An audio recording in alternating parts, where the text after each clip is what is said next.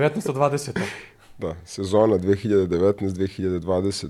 Kritična sezona, Kritična, kritična, pre- epizoda. Kritična sezona, kritična epizoda. Mi smo u crnom obojica Da, prvi smo. put. Da. Brate, e, takva je situacija. Nismo se dogovarali. Nije Nismo se ono poruka ali pre... se potrefilo Da. isto i sa epizodom 19-20. Uh, sa nedeljom, košarkaškom nedeljom večiti Da. koji su doživjeli poraze i u ABA ligi i u Euroligi. Ovo duplo kolo opet je bilo samo. Samo je bilo sada... sa, sa, Sa ABA ligom. Sa ABA ligom. Uh, sledi pauza, uh, u, ide kup, idu reprezentacije, 20 dana pauze u Euroligi. Uh, kakva Neka. Radujem se. A? Radujem se pauzi u Euroligi. Mislim, pauze prave nema, opet ima košarke koliko god hoće. Pa da, pa da. Ali, ovaj, ali barem će to biti- Euroliga malo da promenimo, ovaj, Biće to prilika da, da malo promenimo neke teme... restoran, brate. Tako je, da, da neke teme malo dotaknemo, ovako da, da, da probamo se izvučemo iz ovog mračnog dela. Da. Čak i vlada ovdje sad podešavao kadar, kaže mračni smo bili nešto, a to je verovatno zbog celog vajba. To, da, to je ta energija koju odašiljamo.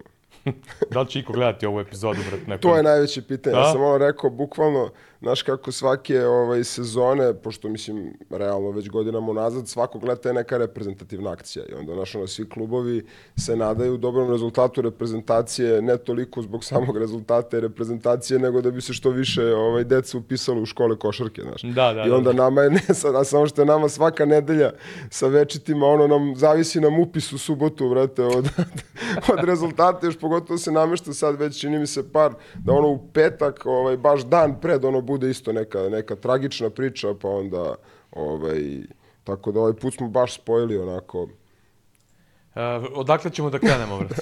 pa hoćeš od ABA lige da krenemo, mislim, ob- obe su mi onako, ovaj, Ajde, može. Mislim, mene više zanima u ABA ligi, ajde, ne toliko sad porazi, Da, da, mislim, da. Partizanov Ali to poraz je realno da. šokantniji, apsolutno. neočekivaniji, Zvezdin poraz u celoj ovoj nekoj situaciji, da kažemo dupli kola, povreda i sve ostalo, budućnost ipak jedna dobra ekipa koja možda ne pruža još uvek neke partije dobre u kontinuitetu i sve, ali, znaš, s obzirom na rivalitet i na sve to, nije sad neko frapantno iznenađenje, ve, već Mada je ubedljiva ve- razlika, bila, to je, više to sam teo da kažem. I sam tok meča da je Zvezda nije bila ni blizu, Da, mislim, prosto. znači to, to je nešto što je onako, da kažemo, malo drugačije, a Partizanov poraz od Splita, ne znam, ne znam, ono, zaista jedno ovako, baš od svih poraza Partizana ove sezone, kojih je mnogo, eh, je ovo verovatno bio najšokantniji.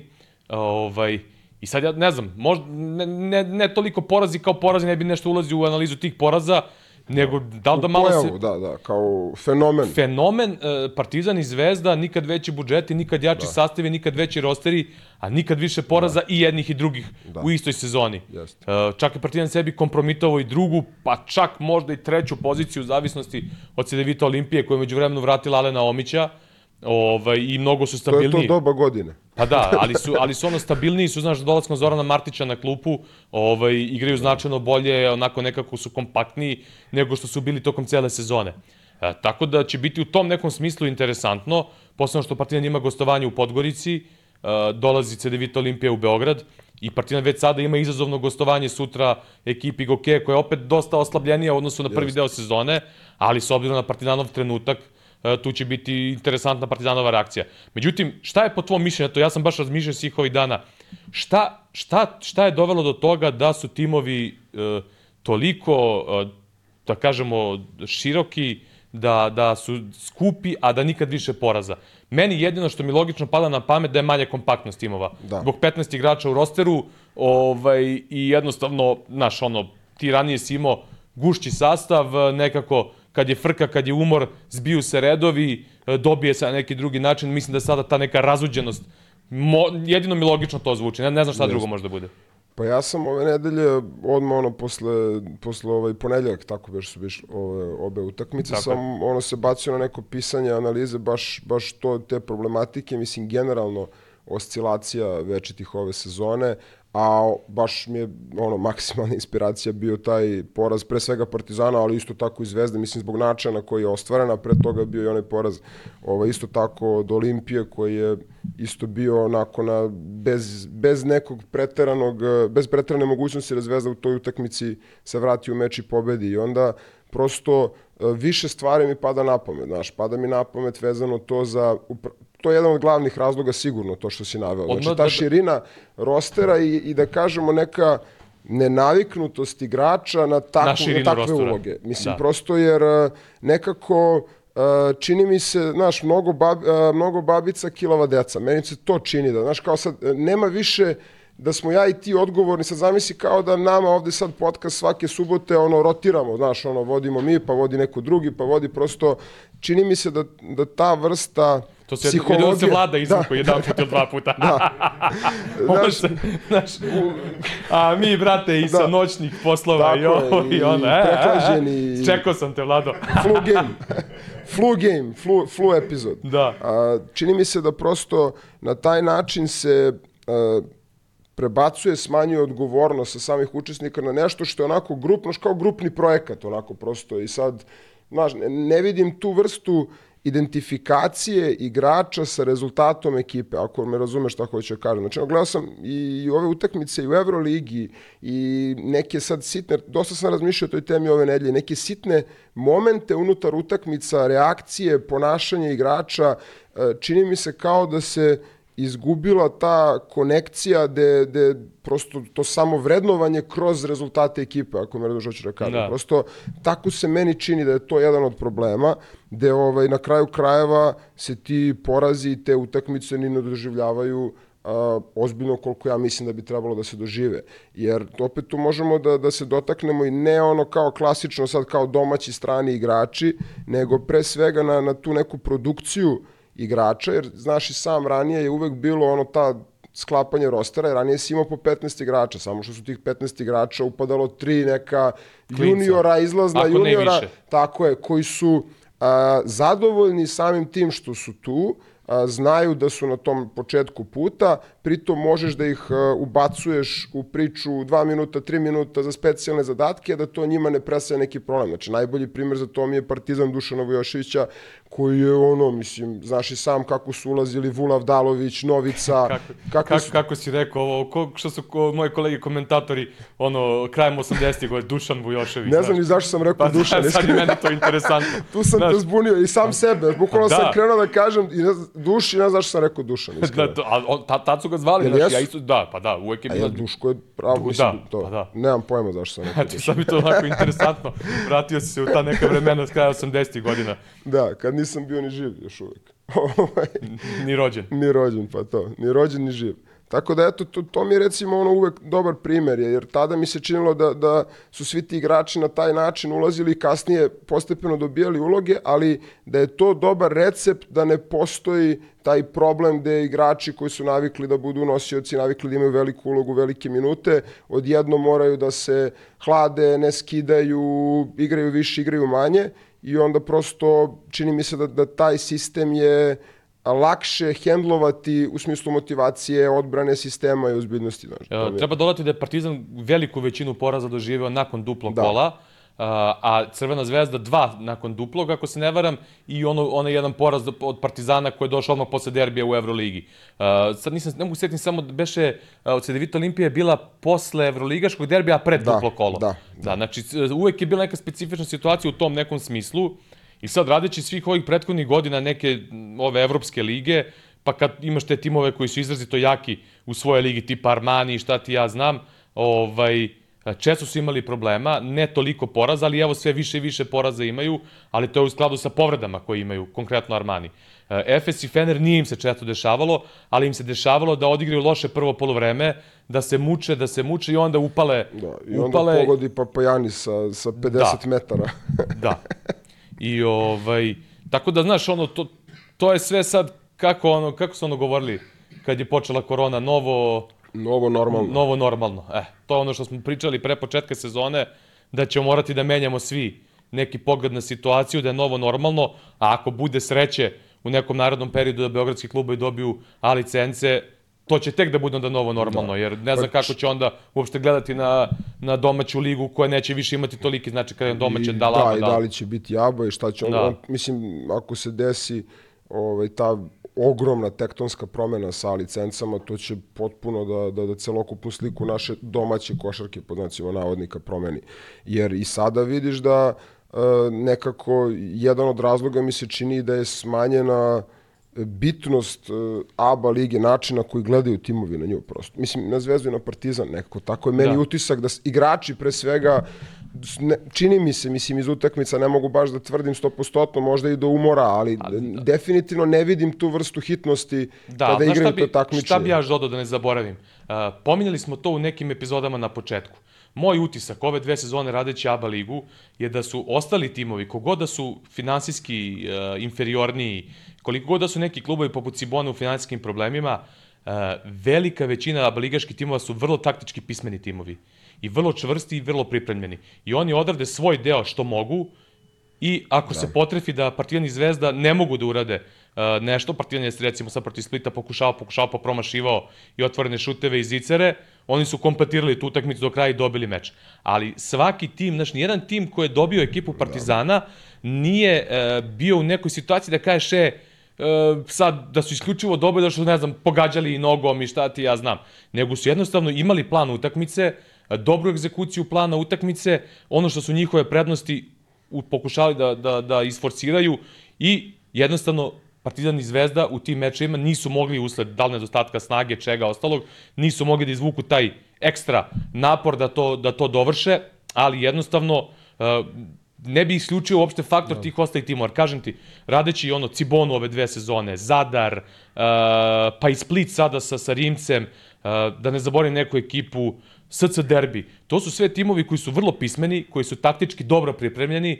Znači nisu ono to timovi sad da su slučajno, da se slučajno desilo, nego jednostavno to su timovi koji isto tako imaju nešto da kažu. Naravno, da su Partizan Zvezda u punom ritmu, u punoj snazi ili nešto, verovatno ne bi prišli na ispod 15 razlike, ali u takvom nekom trenutku ta njihova e, taktička organizovanost, pismenost i sve ostalo je ovaj dovela do toga da da uspevaju da dobiju. Mi se sećamo se prošle godine SC derbi u četvrtfinalu protiv Partizana, igli su fenomenalne utakmice. Da, to je bilo odmah posle Reala. Posle Reala, To je da. baš bio Da. šok. I opet je Partizan, to bila, da. oni su birali neka rešenja uh, gde su se ono, koncepcijski rizici, jednostavno Partizan nije pogađao. Da je Partizan pogađao, da je pola otvorenih trojki pogodio na, na one prve dve utakmice, bilo bi vjerojatno 15 razlike. Ali oni su morali da probaju da zatvore neke druge stvari po cenu toga. Išli su na tu verovatno kartu da je Partizan emotivno ispražnjen i to im se isplatilo. Ali znaš, ono, ništa nije bilo, kažeš, slučajno. Sve je nešto, Pa vidiš ne, da su ne, oni ne možda- pripremnaš. Pa mislim, ne možeš ti da pobediš Partizan u areni u kakvu god da je lošem ritmu slučajno. Mislim, prosto to je ono, nemoguće jer su imali takav tok utakmice da se ne očekio možda u drugom poluvremenu preokret Partizana, pa onda prosto se to nije ostvarilo. Onda su oni kroz kontinuitet i donosili non stop dobre odluke i bili su strpljivi, ali, znaš, možda je to zbog toga što su se malo Zvezda i Partizan odvojili od ovog podneblja i po mentalitetu jest, u jest. lošem smislu. Jest, Znači, ne jest, samo u jest. dobrom smislu. Znači, mi imamo taj moment odvajanja financijskog, odvajanja, da kažemo, ma, možda malo i previše elitistički ovaj pogled na, na, na ostatak ovog našeg regiona košarkaškog, gde e, i manja ozbiljnost pre svega pristupa igrača u tim utakmicama, što se jasno vidi, gde znaju da su bolji za ogromnu razliku, realno, mislim, prosto to je razlika u utakmici u kojoj je maks, maks obe ekipe, to je ne Zvezda budućnost, nije tolika razlika, ali recimo Partizan Split je, ono, ne znam, 30 plus sigurno u korist Partizana i onda mi se čini prosto da način na koji te ekipe iznenađuju ili pobeđuju večite je sličan način na koji su večiti to ranije radili u evropskim takmičenjima. Da. I, i ta Izuzeo bi Zadar pristupa. tu, samo zato što Zadar specifičan i zbog atmosfere i zbog načina igre. Dobro, A, da, to jer igraju izuzetno brzo i jednostavno sa takvim stilom igre su kao idealni, uh, odnosno taj njihov stil ide idealan da kad, kada natrče na Partizan i Zvezdu posle duplo kola, na primjer, Da. što su iskoristili protiv Partizana i taj poraz Partizana od svih ovih, eh, da kažemo, neočekivanih mi je najmanje onako, da kažem, kiks na Da. neki način. Posebno je Partizan tu ušao iz duplo kola, e, Zadar igra tako kako igra, jednostavno tebi treba uh, energije da se pokreneš, a oni trče na sve strane. Još ako pogađaju, znaš, ono, mislim, nekako taj poraz mi najviše ima smisla, pod znacima u smislu, nije, nije neko sad ogromno iznenađenje, Da. kao što su ovi ostali bili, kao što je recimo Igo Kea u Beogradu, pa i Mega, koja igra isto sjajno i sve, ali opet nekako Dobro, iznenađenje. mislim, meni od svih tih utakmica Split mi je definitivno, Split je definitivno, najveće da, da, iznenađenje. da, da, jer, da, jer bez ikakve stvarno dileme. i, jesu i oni sve radili fenomenalno i svaka čast treneru Rimcu izvukao je ne maksimum, nego maksimum maksimum iz ekipe, ali čak i kada iz takve ekipe Splita izvučeš maksimum maksimuma, Partizan je opet no, značajno bolja ekipa. I, ovaj, I prosto mi je e, čudno da, da, da su uspeli da, iz, da održe tu razliku kroz celu utakmicu i sad tu opet... e, znaš, mora da postoji odgovornost samih igrača u takvim utakmicama. Znači, to su utakmice koje ne dobija trener. Znači, ne, ne treba ti trener da dobiješ s ovom ekipom Partizana Split, je tako? Mm -hmm. Znači, to samo zavisi od prosto od toga koliko oni to sami u svojoj glavi doživljavaju, opet kažem, ozbiljno. Znači, nemoguće je da ti ovaj, uđeš u tu utakmicu i da je izgubiš taktički. Mislim, prosto to, to ne, jer je, tolika je razlika u individualnom kvalitetu. Znači, prosto to su te stvari na koje kada se ono utakmica, kad se podbaci lopta, trener više ne može da utiča, ne može ni pre toga. Način na koji dođeš na utakmicu, da li si koncentrisan ili nisi, način na koji ulaziš u svaki duel, prosto to je ono što ti odredi sudbinu takvim utakmicama. Znači, ti ono pričao si ti ranije na tu temu, pogotovo te utakmice koje moraš da dobiješ protiv outsidera, Pa ja mislim da si baš pomenio utakmicu protiv Splita u gostima, da je Partizan ušao ozbiljno, čvrsto, nametno ritam od početka i to su utakmice koje onda odu u smeru koji ono prosto ti dela da je nikad nije ni moglo da se desi bilo šta. To je ono što, i Duško Vujošević stalno pominjao, znaš, kad ti imaš, da, kad imaš, kad imaš ono jednaku energiju kao outsider, e, outsider to. nema šanse protiv tvog kvaliteta. Čak i ako ti je loš dan, čak tako i ako je. te ništa neće. Tako je, tako je. Znači ti moraš da pariraš energijom. Jest, uvek. upravo to. Znaš, da bi kvalitet da... došao do izražaja i čini mi se da to fali jednima i drugima u ovom delu sezone i da onda prosto ta, ta vrsta pristupa ti omogućava, mislim, o tome sam i pisao, da ti na taj dan ne budeš raspoložen, da te nećeš, da, da nisi kreativno na nivou i tu su, čini mi se, Zvezda i Partizan ranije bili dosta čvršći, Zvezda u eri Dejana Radonjića, Partizan u eri Duška Vujoševića, gde ovaj, može ti se desi loš dan, ali prosto i u tom lošem danu će biti neki ružan rezultat, možda neka mučna pobeda, ali teško da može se desi da napraviš kiks. Znaš. Partizanu se konkretno dešavalo u toj eri da izgubi neke utakmice neočekivano, ali za tu ekipu se znalo da, da može da dobije u play-offu na bilo kom terenu. Da. Znaš, zbog tog stila igre i sve Upravo ostalo. Upravo to, mislim, to, to je nešto što je interesantno da se analizira. E, koliko taj osvajao, stil igre... Osvajao titule kod Duška Vujošević je fazom sa da. četvrtog da. mesta kreto da. u play-off, znaš. Ovaj, te, e, koliko ovaj, taj stil igre je bitan ili razlikuje se ovaj kasnije i za utakmice i za play-off i za sve te druge stvari. Mislim, prosto uh, sad to onda ima i do mentaliteta i do igrača i ovaj, do te neke sinergije sa publikom koje se napravi ili se ne napravi, ali u ovom delu sezone mi se čini da je to ovo što smo sada naveli glavni razlog zbog čega dolazi do tih kikseva u većoj meri nego što je dolazilo ranije. Hoćemo na Euroligu? Može. Krećemo, ajde, od četvrtka, Partizan Bayern. Jedan uh, neočekivan poraz Partizana, s jedne strane, uh, za mnoge i s obzirom kako je išla utakmica, posebno ono uh, druga četvrtina, treća četvrtina i sve ostalo. S druge strane, shodno trenutku u kojem je bio Partizan, ne ni toliko sad da kažeš e, neočekivan s obzirom da je četiri poraza Partizan vezao, da je utakmica bila vrlo bitna i da je to sigurno negde ostavilo traga. Međutim, iako su bili razni komentari, ima da je bila dobra utakmica, je dobra utakmica obostrano ono gledano, i na kraju da je Partizan, što je rekao i trener Obradović, izgubio maltene dobijenu utakmicu kao i u Bolonji. Uh, baš onako specifična sada situacija za Partizan.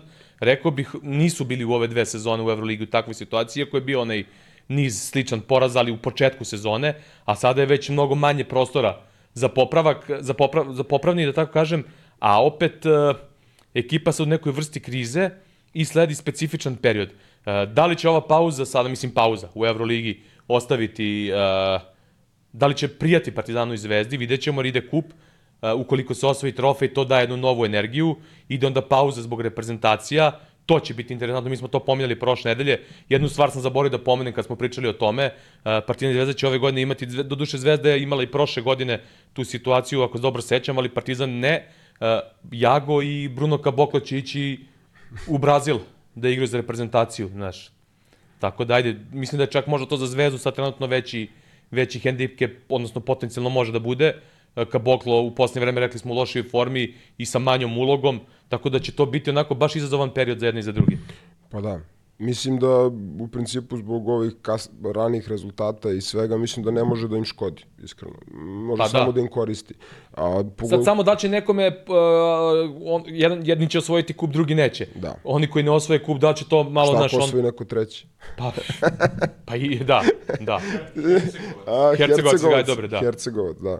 Naprimer, ovaj, može da se desi, možda mega iznenadi, mislim Ovaj, ne očekujem, naravno, šalim se malo, ali ko zna. Uglavnom, verujem da će da im prija. Znači, bez obzira i na odsustva, mislim da je takav trenutak, takav je momentum da im treba neka vrsta reseta jednima i drugima i možda malo više vremena da prosto usklade ciljeve u narednom delu sezone i da ovaj ekipa dođe na određeni nivo kohezije koji evo, trenutno ne postoji. E, sad, to kad si rekao kohezija, evo ti samo jedna crtica, pa tvoje mišljenje.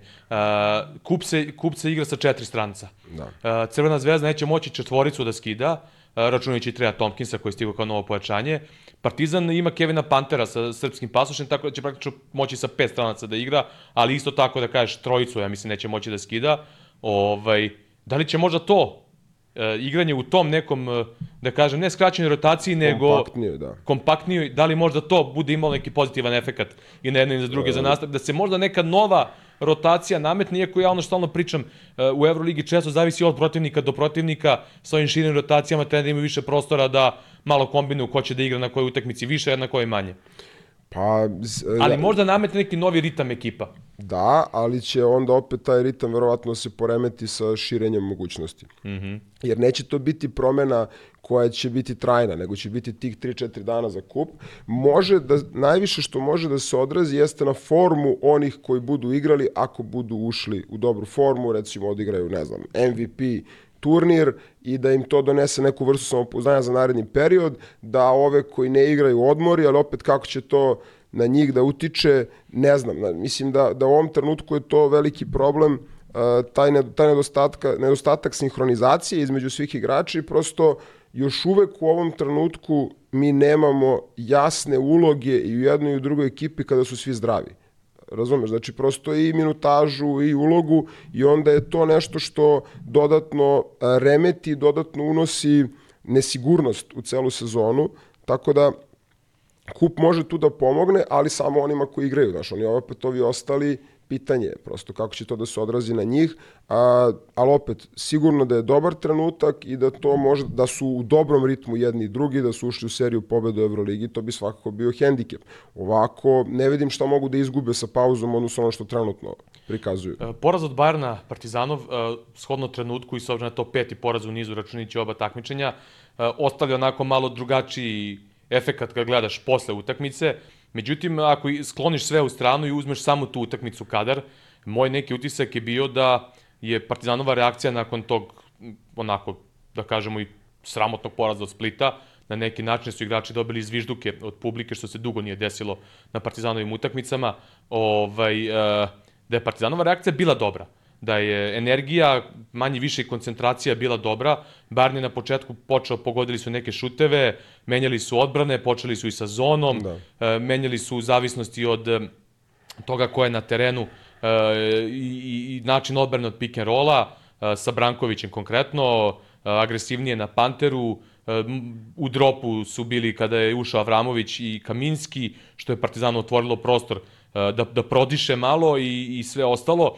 Tako da, onako, znaš, e, mi smo pričali za Barn mi jedan od timova koji iz drugog plana može da dođe do, do play-ina i Barn za sada nije neki kontinuitet uhvatio, ali ne smemo da se zavaravamo, Pablo Laso je sjajan trener, jedan je od onih trenera, e, šta god neko misli o njemu, koji će uraditi nešto atipično da promeni e, tok utakmice ili sezone, što smo videli često s onim zonama 1-2-2, kad mu je Sloter igra u prednjoj liniji i tako dalje i tako dalje. E, evo sada smo videli te neke e, promene, zonsku odbranu koju je probao i sve ostalo, da još malo izbaci Partizan iz konformne zone. Partizan je bio spreman, čini mi se, za zonu od samog starta, nije toliko to poremetilo, ali utisak je bio da e, da, da nije mnogo igrača dovoljno. bilo razigrano na početku. Pa dovoljno, dovoljno ih je poremetilo. Znači, da. nije, nije, nije, nije ni sigurno Laso ovaj, koncepcijski očekivao da će s takvom odlukom da, ne znam, donese potpuno rasulu ekipu Partizana, ali dovoljno je, ne znam, jedan bačen pas u aut, doužera, malo nesigurnosti, a, da prosto ekipa ne otvori utakmicu u ritmu kakvom bi žela i verujem da je to i bio cilj a, stručnog štaba Bajerna, tako da s te strane a, bih rekao da je zona bila pogodak, oni su na kraju isto prvog polovremena, tako zadnji napad, da. 30 sekundi su opet stali u zonu, a, to je ono, zona, to je zona 2-3 bila klasična ništa, nije nešto sad pa praktično bilo... su igrali ko, ba, ko Real Samo što su igrao, visoko, visoko, visoko su i terali su dole da, na Ibaku, da. ono, ko, što ko što je Real na, na Tavaresa i to. Što je, ovaj, što je dovelo što je glavni razlog zbog čega recimo dože taj Paza Smajlagića mu se učinilo jer je ispod nivoa odbrane, to je ispod nivoa ove zadnje linije, zadnje trojke je bilo dosta prostora, pa onda ti daje non stop taj izgled kao da, da ima, imaš, a nema, a, nema, a da. opet je dužina igrača i opet su naterani bili ovaj, bliže centru da budu i samim tim je to i duži pas i, i nezgodniji ugao, tako da s te strane mislim da im je to bio pogodak, ali glavni razlog zbog čega su dobro otvorili meč je šuterski, mislim oni su otvorili yes. sjajno sa šutem za tri poena i onda su tu negde odmah Bili su neki... razbili taj uh, pritisak, pritisak hale, publike, je, tako gostujućeg terena. Uh, neki su šutevi bili preko ruke, neki su šutevi bili nakon ofanznih skokova, gde je Partizan da. odigrao dobro odbranu, ali ofanzni skok trojka i, ovaj, i opet je to nešto uvelo Partizan na sličan način kao brojnim utakmicama u, u neku vrstu nervoze. Bayern je jedan od timova koji on ima tu e, pozicionu visinu i veličinu da. koji može da parira Partizanu i e, Pablo Laso je celu utakmicu pravio i takve petorke, ono, e, tipa, ne znam, Bonga, Gifa i Uh, Beb na, na Beb, jedan faktički, da, mislim. Weiler Beb je primarni defanzivac bio na Panteru kad nisu igrali zonu, kasnije ga i Bonga uzimao, imali su razne varijante kada su i preuzimali, baš onako Bayern ima, ima tela, pritom falio im je Bolmaro na neki način koji isto u toj spoljnoj liniji je, je vis, ono, ima visinu i sve ostalo. Tako da je Bayern u dosta nekih stvari uspevao na taj način da isparira ekipe Partizana. Dakle, bile su tu petorke i sa Lučićem na četiri Jest. i sve ostalo, znaš. Ovaj, koji, baš... koji je pravio dosta problema na početku sa prodorima. Ovaj, tako je, tako je. I, i stvarao viškove, znači stvarao viškove non stop, napadao Smajlagića, uh, Lučić je ozbiljan, ozbiljan plus, mislim, u Euroligi imati takvi igrača na 3-4, kada posebno je zdrav. Kad, posebno kad na 4, a da, igra na da, bekovski da, način. Da, da, da. Znaš, ona akcija koju igraju za njega, ono iz uručenja, što da ono jednu trojku u prvom polovremenu, to je ona akcija koju Trinkieri igrao za Lučića stalno, to je neodbranjivo. Znači, samo možeš nadaš da će promašiti. Upravo tako. Pogotovo što on ima izrazito visoku tačku izbačaja mm -hmm. zbog mhm. odraza i ima dobar tajming izbačaja, znači ne pada sa loptom, tačno kad treba, znači u najvišoj tački skoka je izbacuje, jako je teško blokirati ga i, i često se i dolazi u nekih situacija gde na granici faula bude ovaj odbrana, gde on si žalio dva, tri puta, ne mislim da je bio faul, nego prosto je jako nezgodno i teško braniti ga u tim situacijama. Pa da, da što on malo izbacuje noge jest, prilikom doskoka jest. i, visoko i uvek je tu neki kontakt. Da. To. I onda to traje i onda taj close out gde se skače, ako se ne skače vertikalno, nego se skače ka igraču, dosta onako može da bude rizično za, za faul na tri poena. A, tako da naš Bayern je iskoristio tu, tu svoju činjenicu. A, ta petorka Partizana koju je trener Obradović e, sklopio, a, Avramović, Ponjitka, Jaramaz, Ledej i Kaminski je vratila Partizan u život prvo energetski, uh, sjajnom odbranom i sve ostalo, a onda, uh, kažem, uh, Bayern je morao da prilagodi odbranu sa Brankovićem, su oni jedno vreme i preuzimali, bili agresivni na Panteru, ali kada je ušao Vramović, ušli su u drop, povuko se Branković, jer je naravno morao da brani prodor Avramovića, Avramović je dobro to čitao i Partizan je iz nekih pick and pop situacija i iz daljeg protoka otvorio Kaminskom šuteve, odnosno da. Kaminski sa pick and pop otvaranjima je napravio još bolji spacing i pogodio 4-4 za 3, što se odmah osetilo na, na, na, na, na celu utakmicu. Pa da, pa oni su, mislim, jasno je bilo da su ciljano gađali Brankovića sa, sa ovim širokim, ono, spread, sa spread pick and rollom mm -hmm. na, na centralnim i ovaj, da je tu bio glavni cilj gađanje Kaminskog na popu i to se dobro otvorilo i to je bilo odlično rešenje Partizana, ne, nema to šta. Tako da to je negde okrenulo utakmicu i onda utisak, moj utisak je bio da je Partizan možda izgubio utakmicu u trećoj četvrtini. Mislim, sad to tako zvuči kao ono... Tako se na, nije odlepio, da. Da, na deset razlike Partizan napravio nekoliko grešaka gde je mogao da možda već tu prelomi utakmicu, ovaj, ali su onda krenule greške na, na oba kraja parketa i Bayern je mic po mic krenuo da, da se vraća i uh, onda je sa, uh, doveli su Partizan u tu situaciju da im se pritisak u ovoj situaciji još više poveća da. usled svih tih prethodnih poraza. Pa pre svega su dozvolili Francisku da, da non stop vraća Bayern u utakmicu, da, da radi stvari koje mu najbolje ovaj, leže, to su upravo taj, e, prič, rekao si, pozicijona veličina Bajerna i to jeste njihov veliki kvalitet, ali oni na tu pozicijonu veličinu imaju dva, da kažemo, pretež, x faktora koji su Edwards i koji su I Francisco. Francisco da. S tim što je Edwards jednolični igrač, on je, on je vrhunski skorer, ali prosto ali, nema ali tu... on igra, on igra... Ona... Tako, igra u svom ritmu. U svom ritmu, da. Ono što je njemu,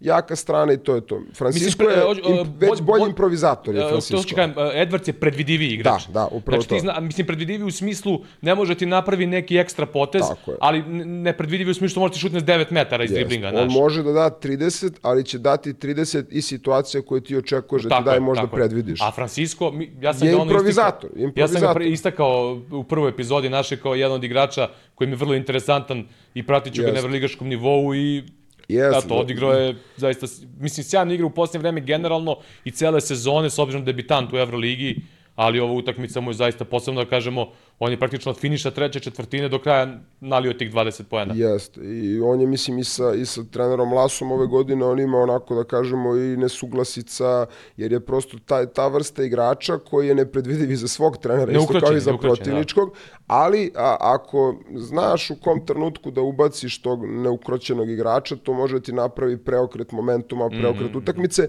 koji je donao Francisco. Znači, ni jedan drugi igrač iz Bajerna u toj situaciji ne bi bio sposoban da, da u tako kratkom razmaku odmah pročita odbranu, da se odvoji na šut za tri pojena, pričamo ono konačno oni trojici za pobedu. Pa možemo i onoj Ovaj, trojici, e, bila ona situacija, Avramović, ne znam ko, Jeste. da li, su, da li preuzimaju, ne preuzimaju na Pa je, bekovima, da, da. i on je krenuo, Avramović krenuo iz, ispod bloka, ovaj sa 9, sa sa, Ledejem. sa je 8 bilo. metara. Mislim da je bilo sa Moguće. Ledejem, bilo je Sa isto i sa Kaboklom. plus.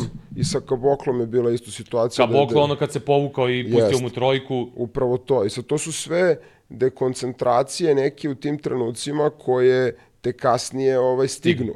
I ne samo što te stignu kasnije kroz taj koš koji je ono odluči utakmicu, nego što si sve vreme ti gradio samopouzdanje tom igraču da on može kad mislim bez obzira ok, Francisco debitant, e, dobra sezona za jednog debitanta, sve to u redu, ali nije on Mike James, nije on ta vrsta igrača da Naravno. je šutirao 0 od 10 da bi on pogodio taj posljednji šut. Prosto ne, ne može niko da me ubedi u to, nego jednostavno je on bio je konforan sa takvim step backovima, sa šutima za tri poena, jer su ga pre toga igrači Partizana sa tim sitnim ovaj, nesigurnostima i sa nedovoljno agresivnim pristupom na njegovom šutu za tri poena doveli do samopouzdanja gde on bez problema digo taj šut na kraju. Da.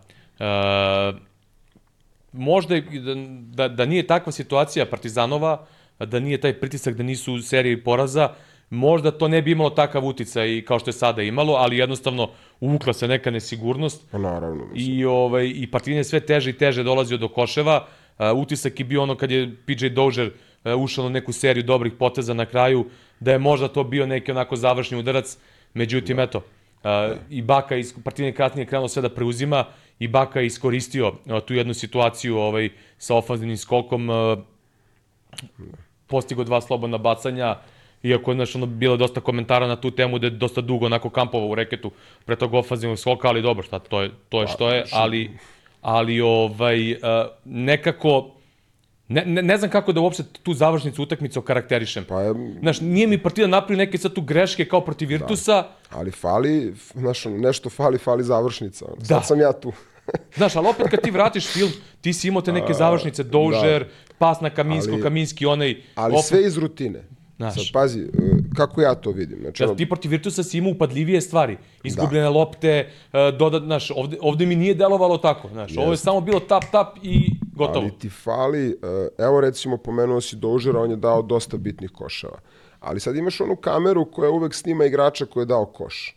I, ovaj, i način grimasa, način na koji se on vraća u odbranu, prosto a, njemu je isto. Znači, da li je poveo Partizan 10-8 ili je dao koš koji je ono sad, to je to, znaš. Znači, dao sam koš, daj sad da, da iskidamo, da bacimo, da, da udarimo ako treba, da napravimo nešto, jer ovo je trenutak kad se lomi utakmica. Ne, ja to ne vidim kod njega. To je problem sa njim. On igra vrhunski, Da. ali ne daje taj moment koji ti treba od igrača koji u tim trenucima se vodi kao lider ekipe ofanzivno. Znači, jer je Pa on vidi, taj da. koji rešava, koji vodi. Prosto, ta vrsta reakcije koja nedostaje trenutno u ekipi Partizana, a isto tako možemo da kažemo u ekipi Zvezde kada tu nije Teodosić.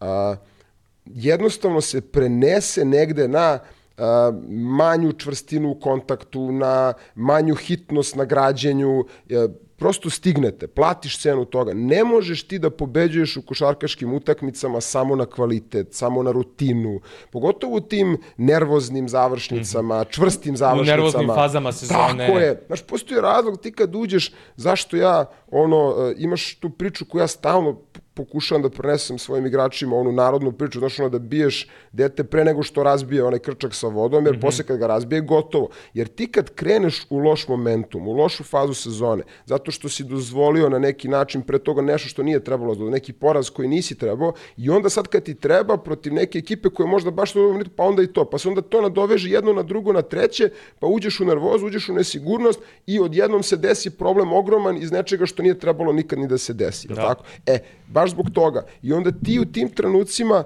moraš da pokažeš veću zainteresovanost za dešavanje na terenu u široj slici, u širom kod ti igraš dobro, nije sporno, ali ovo nije i možemo to se dođemo kasnije, onaj Steve Clifford izjava i, i tu tendenciju danas u košarci, nisu to samo Zvezda i Partizan. To je ce, de, de igrači, sport je takav. Da igrači vrhunske statističke učinke prave. A, ne možeš da im, da im uzmeš sad utakmicu, da im izvučeš, ne možeš da im nađeš dve, tri greške koje su napravili. Sve je kako treba, a opet nešto nije kako treba. Mm -hmm. Nešto fali. E, upravo taj moment fali. Fali ta svesnost trenutka, konteksta, utakmice. Ne možeš ti da živiš u svom svetu, dao sam ili nisam, i onda posle možeš gledati, pa da, ali ja nisam. Pa ne, ali nekad treba da napraviš možda i neku glupost uh, u, u prenesenom smislu koje će da galvanizuje halu, ekipu, publiku, da. da imaš više osjećaja šta je to što treba tvojoj ekipi da pobedi, a ne samo šta ti treba da uradiš da bi se vodilo da si ti dobro igra utakmicu kao ono pojedinac. Ono što sam ja pominjao, recimo, što, što meni priča i Ćale i stari ovi, e, ljubitelji košake za Kićanovića, na primjer, da je on uvek ono znao da, da napravi Razumeš, on neku... To je uvek nešto različito. Frku. Znaš, znaš, ono, kao, ne, ne mogu da igram ako je sve mirno u hali, da. znaš. Ovaj, ono, najbolje je igrao tamo gde su ga najviše ono vređali i tako to, znaš.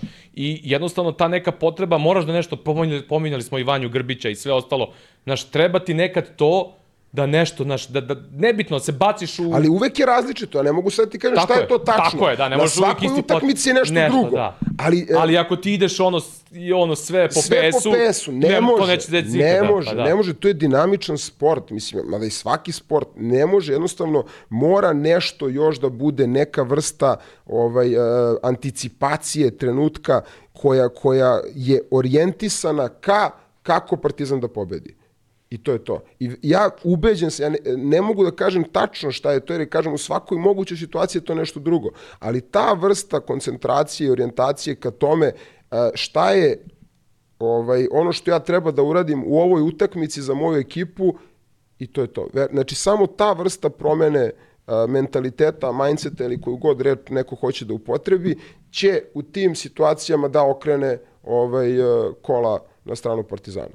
Uh, Jer kvalitet je tu, mislim, kvalitet je nesporno naravno, tu. Naravno, naravno. Uh, Kevin Panter, uh, dosta se onako sad diglo neke pompe, i ne pompe, nego jednostavno dosta nekih kritika i sve ostalo. Uh, kako si ti vidio njegu utakmicu? Ja stvarno, uh, nije sada kao nešto tu sad branim Kevina Pantera, ali ne vidim razlog da se bilo šta Panteru zamera. Ona pred... A šta se tačno zamera? Pa iskren da budem, nisam ni ja shvatio. Mislim, ja ću kažem da ja mislim da je on napravio grešku koja je nedopustiva, ali sve um, ostalo, mislim na faula, tražio do, njega. Dobro, to, to ćemo doći posle da. na taj poslednji napad. Sve Nego, ostalo do toga, ne vidim. Onaj predposlednji napad, uh, on je uzeo taj šut jer jednostavno Partizan nije ušao, to je trener Obradović rekao na konferenciji, imali su mis meč, Edvards je ostao protiv Kaminskog, Edvards je zeznut, ono, jaki je nisko težište i kad izađe ispred tela, teško ti može da se izboriš za poziciju ispred, Međutim, Partizan, pretpostavljam da je to trener Obradović mislio kada je rekao na konferenciji da nisu ušli u neki od onih automatizama da se Ali napadne... Ali tu je kasnio pas iza Pantera.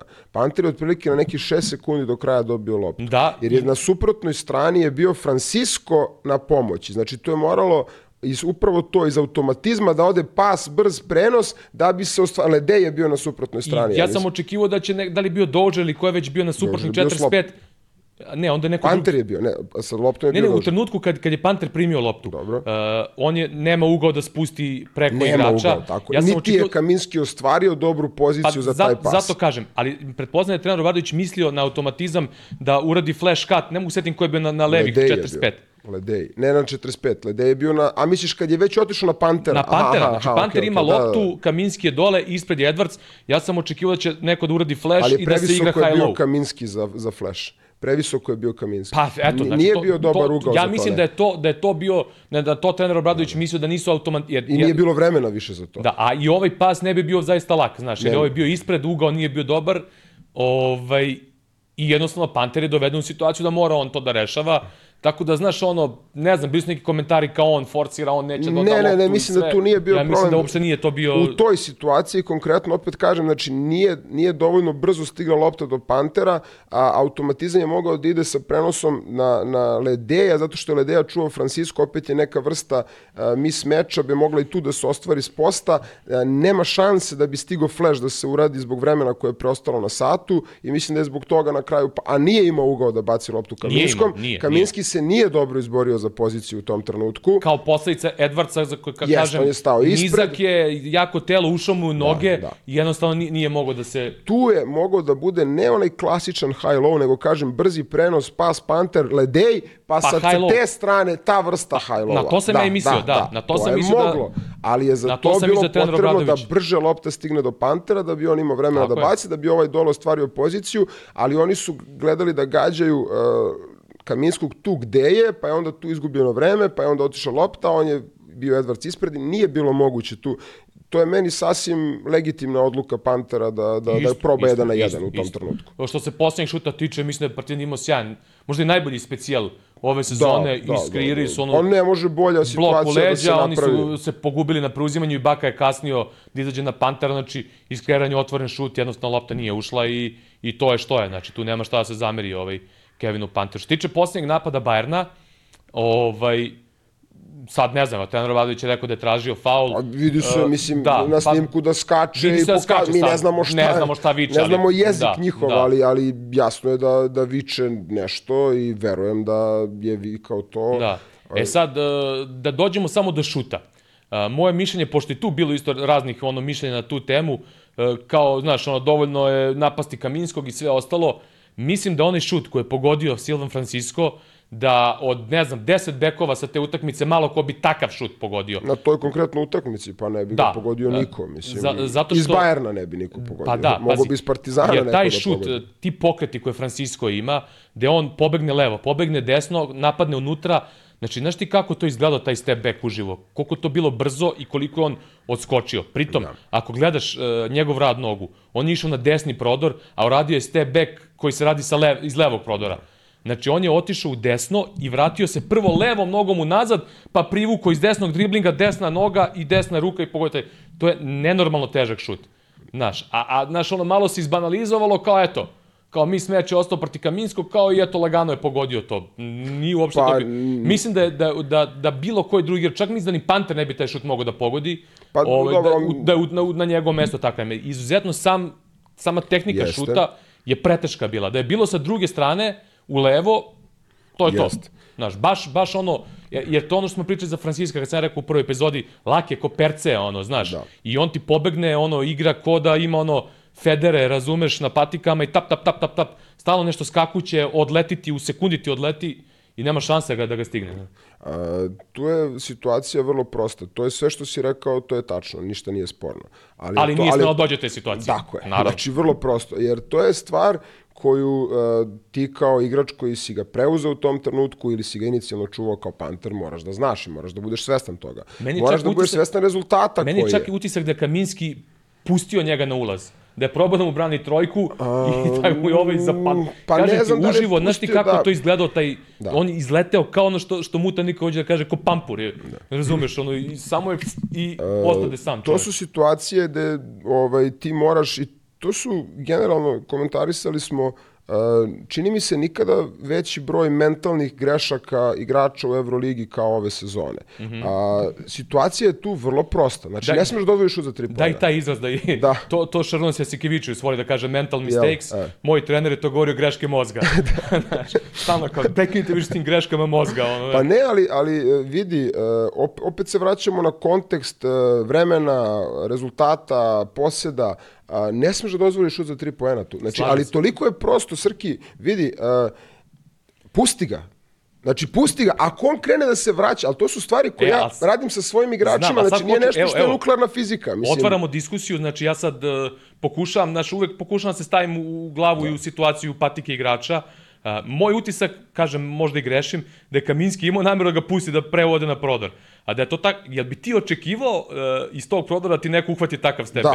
Ako je Bi. Francisco, da. I Pa vikao dobro, bi da. mu i, i ono, fazom gađu bi ga stolicom Da. što mu je dozvolio to. Razumeš? Znaš, ali opet i za Franciska je taj šut meni... Ali ne smeš da ga dozvoliš. Sla, slažem se, slažem Evo ti primer, Slažem nebitno, neki turnir, nebitno 3x3, uh, igramo, igrač protivnički šuter za 3 poena, ubija za 3 poena. I sad kao, pa kako treneru da ga čujem? Pa znaš kako, ako te obišo, ti ostani iza njega.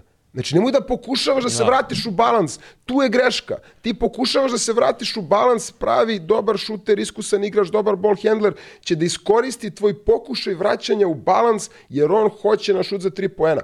Problem u odbrani 1-1 u tim situacijama je što igrači brane uh, default. Ne, ne znam kako to da opišem. Znači, on ne brani ono što je zadatak, nego brani neku uh, kao uobičajenu, opštu odbranu, da, generičku pa da. odbranu. Da, da. On, znaš, kao, tipa, učen si, što je normalno, što je školski, Pa mislim- da, da dođeš ispred njega. Znaš, kao, ako ja sad igram odbranu i igrač pokuša da me obiđe, mu je refleksna radnja je da, da uspostavim balans da dođem ispred njega. Ne, tu je greška. U tim situacijama, jel te obišao, super, obišao te, jel može šutne za dva pojena? Može, jel to donosi x i produžetak na domaćem terenu? Donosi x i produžetak na domaćem terenu. Nemoj da pokušavaš da dođeš ispred njega, ne možeš da dobiješ ništa s time. Znači šta, kao da spreš šut za dva pojena, pa taj šut za dva pojena tebi ne donosi poraz. Je Da. tako? I ti pokušavajući da uradiš tu, da kažemo, školsku stvar, da ga je on pustio, ne bi, pokuš, ne bi se vratio na njega. I onda taj zamah, još gora stvar, on je imao jedan taj zamah, nego je toliko brz Francisco bio da taj zamah ne došao, mogu si da ga zakačiš, da on šutne E, da. 2 plus 1, A još znaš, gore. Bre. Znaš što o čemu ja sad isto razmišljam? Ovaj, kažem sad, niš, ništa sad ne, ne, ne, ne, ne branim nekoga ili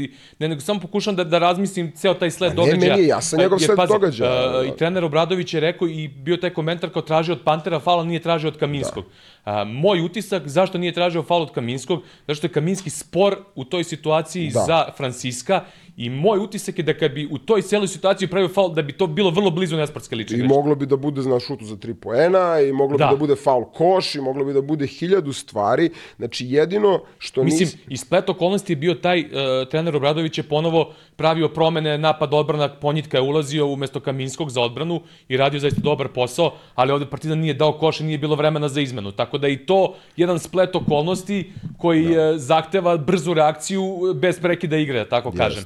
I, i, I zato mislim da je trener Obradović tražio Panteru konkretno faul, Ne, taj, deo, mi, taj deo nije sporan, to, to mi je sve jasno. Pa ne, nego samo objašnjamo što je bilo kao priče, kao ako nije Panter, što nije onda Kaminski pravio Da, da, da, faul, da. znaš, mislim da, da, da je traženo konkretno od Pantera okej, samo da. faul zbog ovoga, jer moje mišljenje da bi vrlo lako moglo da bude nesportski faul protiv Franciska. To neki drugi igrač, druga pesma. Jer ovaj, i odbrana Kaminskog u drugom trenutku utakmice nije ništa sporna.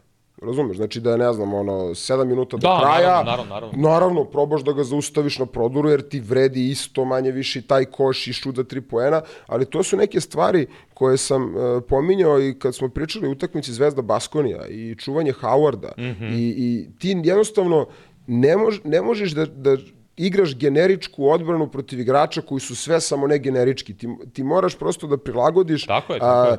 neke nekonvencionalne stvari, neke stvari koje su školski loše ili ono, e, prosto da kažemo, problem ili nešto što bi te, ne znam, kaznili nekada u mlađim kategorijama, na toj utakmici protiv tog igrača, protiv te ekipe je to put. I sad, pazi, e, svašta se sad priča, analizira, ali opet su sitnice dovele do, do toga, do greš, razne greške u, u, u kritičnim fazama meča. Ne znam, dešava se, e, ne znam, Gifaj, e, koji, on, igra na šut, samo čovek, ne, ne znam koga je čuo, pomeri mu se dva koraka unazad, da brani prodor, Gife pogodi trojku. Znaš, Da, ali to su u prvom upravo- polovremenu. Čak, dakle, i protiv tih nekih igrača koji su konvencionalni, bilo je sitnih grešaka, a onda i protiv ovih nekonvencionalnih na kraju. Ali kad ovaj, sabereš sve te mentalne greške koje ekipa napravi, to te na kraju košta. na kraju košta I poraza, onda, da. I onda ti to poništi sve ove kvalitete vrhunske druge koje imaš. Prosto to su stvari, de, de, ali to je čisto, evo, koncentracija igrača, to što sam Da. pomenuo vezano i za Split. Znači, prosto ti imaš informaciju koju imaš, kao što je, ne znam, Panter imao informaciju o pravi faul. nije ga čuo, nije razmišljao, nije šta god da je razlog. To je recimo nedopustiva greška Pantera. Ne to što je šutnuo onu trojku. To što je, tako trojku, opet kažem, ima, ima rezona i tekako. To nije. Jer čak i da ti kažeš, e, nisam čuo trenera, de gledaš.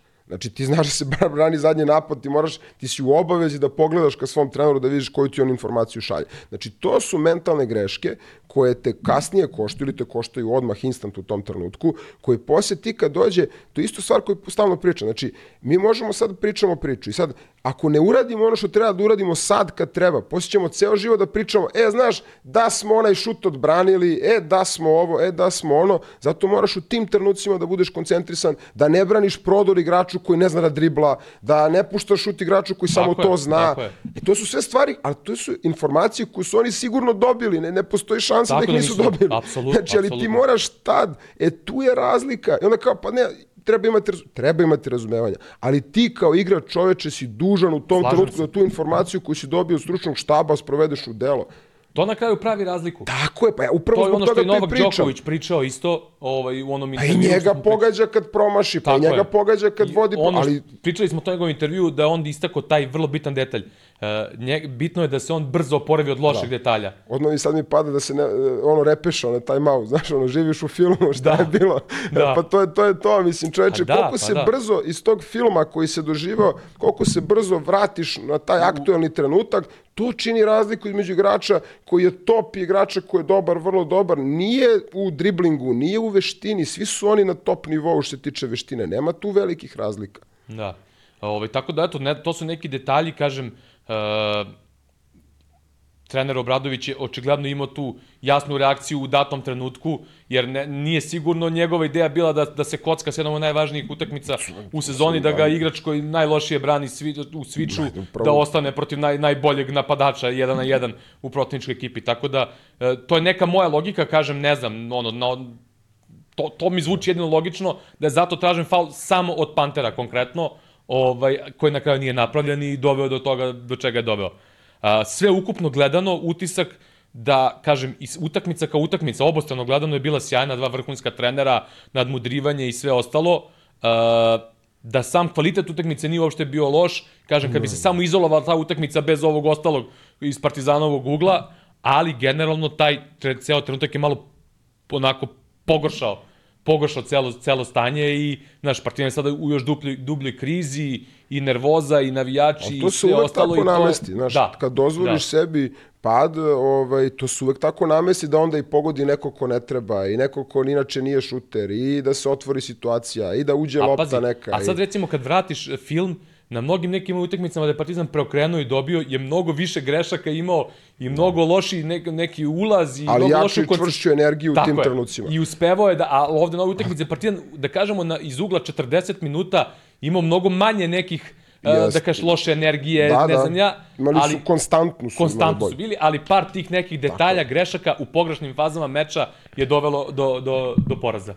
Užasno važna stvar je, je energija, je, to, je, ne- to je neverovatno nešto, to se jako teško kvantifikuje, jako teško se objašnjava. Objašnjava, da. A još važnije je naravno u mlađim kategorijama, ali je važna i tekako i na seniorskom nivou i to je jedna od stvari ovaj, e, koja mislim da trenutno Partizanu fali u odnosu na prošlu sezonu. Mislim da kvalitet kao kvalitet ne fali uopšte, Uopšte, da. da je kvalitet Partizana zamenjen, čisto kvalitet, ali da je energija koju su donosili ti igrači, da ih Pa više to, ne pominjemo pričali hiljaditi put pa jedne da. iste, ovaj, taj ekstra moment sa tom energijom, eksplozivnošću, pristupom, Evo ti- da je to razlika odnosno Evo na ti najbolji sezonu. primjer. Sinoć gledam, gledam Pantanikos Fener i, ovaj, i baš drugo nešto napišem, rekao, ovaj, Pa Napravili su oni žurku. Mislim, E, ali znaš- Panathinaikos kao ekipa, kao napravili su neku priču u tom Da, ali smeru. šta hoću ti kažem, znaš, nešto na konto Madara. I ja mu napišem, rekao, rekao, baš nekako fino Madar igra ovo što je ušao, ali samo sam kratko napisao poruku i on mi šalje kao gledao je kao kako igrat fino kao nula poena, znaš. Ja rekao, pa u trenutku u kojem je ušao, 15 razlike za, za Fener, Nula za, poena. izvini, za Pantanikos, ovaj, Madar je u tom momentu ispritiskao Kendrika Nana, uh, odigrao se jedan odbor, naterao Nana da i kad da koš, da je ono fazno samo on imao loptu u napadu, uh, dva puta spojio s- Motlija sa zakucavanjem, sa nekim ekstra asistencijama i jednostavno za čas posla je Fener stigao na minus 6 sa minus 15. Znaš, u tom nekom smislu. I samo sam to iskoristio kao primer za ono što smo pričali u prošloj epizodi tokom sezone, ta njegova ekstra energija koju je donosio na nekim malim uzorcima, na malim stvarima, koje su kasnije pokretale ekipu, a opet s druge strane, ono što smo već, kažem, pričali za Exuma, to je, da se ne ponavljamo, ta atomska energija, to zaista pravi razliku, ono što si ti rekao, gde god, da, da, gde god da je utakmica, napravit će razliku, tako da, eto, da, da kažemo, to Pa su da, neke... Ali to je to, naš, nula poena, to, to su stvari ono koje način na koji ljudi gledaju ovaj Jer znaš šta još? Utakmice i, i učinke igrača. Mm -hmm. Znaš, to je uh, nije košarka jeste sport koji je usko vezan za statistiku. Ali, da, druga nije gledao utakmicu, Da. znaš, samo je video statistiku i pitao me kako, kao, kako Ali, ali i oni koji gledaju Pa tako da, isto pa da, gledaju. pa da, pa e da. tu se ja ovaj sam ljubomoran malo na futbal, gde zato što je takav sport da nema toliko, mada su posljednje vreme i tu počeli da Da, prave, da. ne znam, izmišljene neke statistike, ovaj, gde, nego je više taj utisak igre, prisustva, uticaja na samu igru, na teren, E, to isto postoji u košarci, samo što nije baš toliko izraženo, imaš zato što su ti brojevi, ne znam, da li skokova, da li asistencija, da li ukradenih, da li ovo, pa onda se svi non stop kače za to. A ti možeš teoretski, a i dešava se i u praksi, samo sve manje jer su igrači drugačiji sada, da igrač koji ima bukvalno statistički učinak krompir u svim ovaj, a, statističkim kategorijama, da pravi dobar uticaj na ekipu u tom trenutku kad Pa, je igri i dobru igru Imali ekipa te- ima sa njim na terenu. brate. Imali smo primere Jarama za onoj utakmici protiv je. Armanija, recimo, i uh, da li beše Andjušić protiv Panathinaikosa ili protiv koga je bilo ono kad je imao praktično nula poena, samo i onaj ofanzivni skok. I to a, u tom trenutku je ono, Ono što don- ti treba tad kad ti Tako treba. je, tako je. Ovaj, uh, šta sam još teo da kažem vezano za, za, za ove situacije? A da, uh, to što je Exum donosio prošle godine, uh, Partizan, ako se setimo te prošle sezone, ovim neizvisnim završnicama često imao veliki broj slobodnih bacanja koje je pogađao, bar zato što su na Exumu pravili, jer je Exum stalno napadao Zbog prodorom. Mislim- prodornosti, pa normalno. Mislim, dosta je sad recimo komentara bilo, video sam da se izlači neke statistike, uh, komparacije učinka uh, Pantera i, i Dožera kad, su, kad igraju obojica. U smislu tipa, ako Panter da dosta poena, Dožer ne da i obrnuto, znaš. I ovaj... I on sam baš nešto malo obratio pažnju na ovoj utakmici i to kako to deluje. Naš, utisak je da je možda manja fluidnost kad su obojica na terenu. Zato što O- rade slične stvari. Rade slične stvari, da.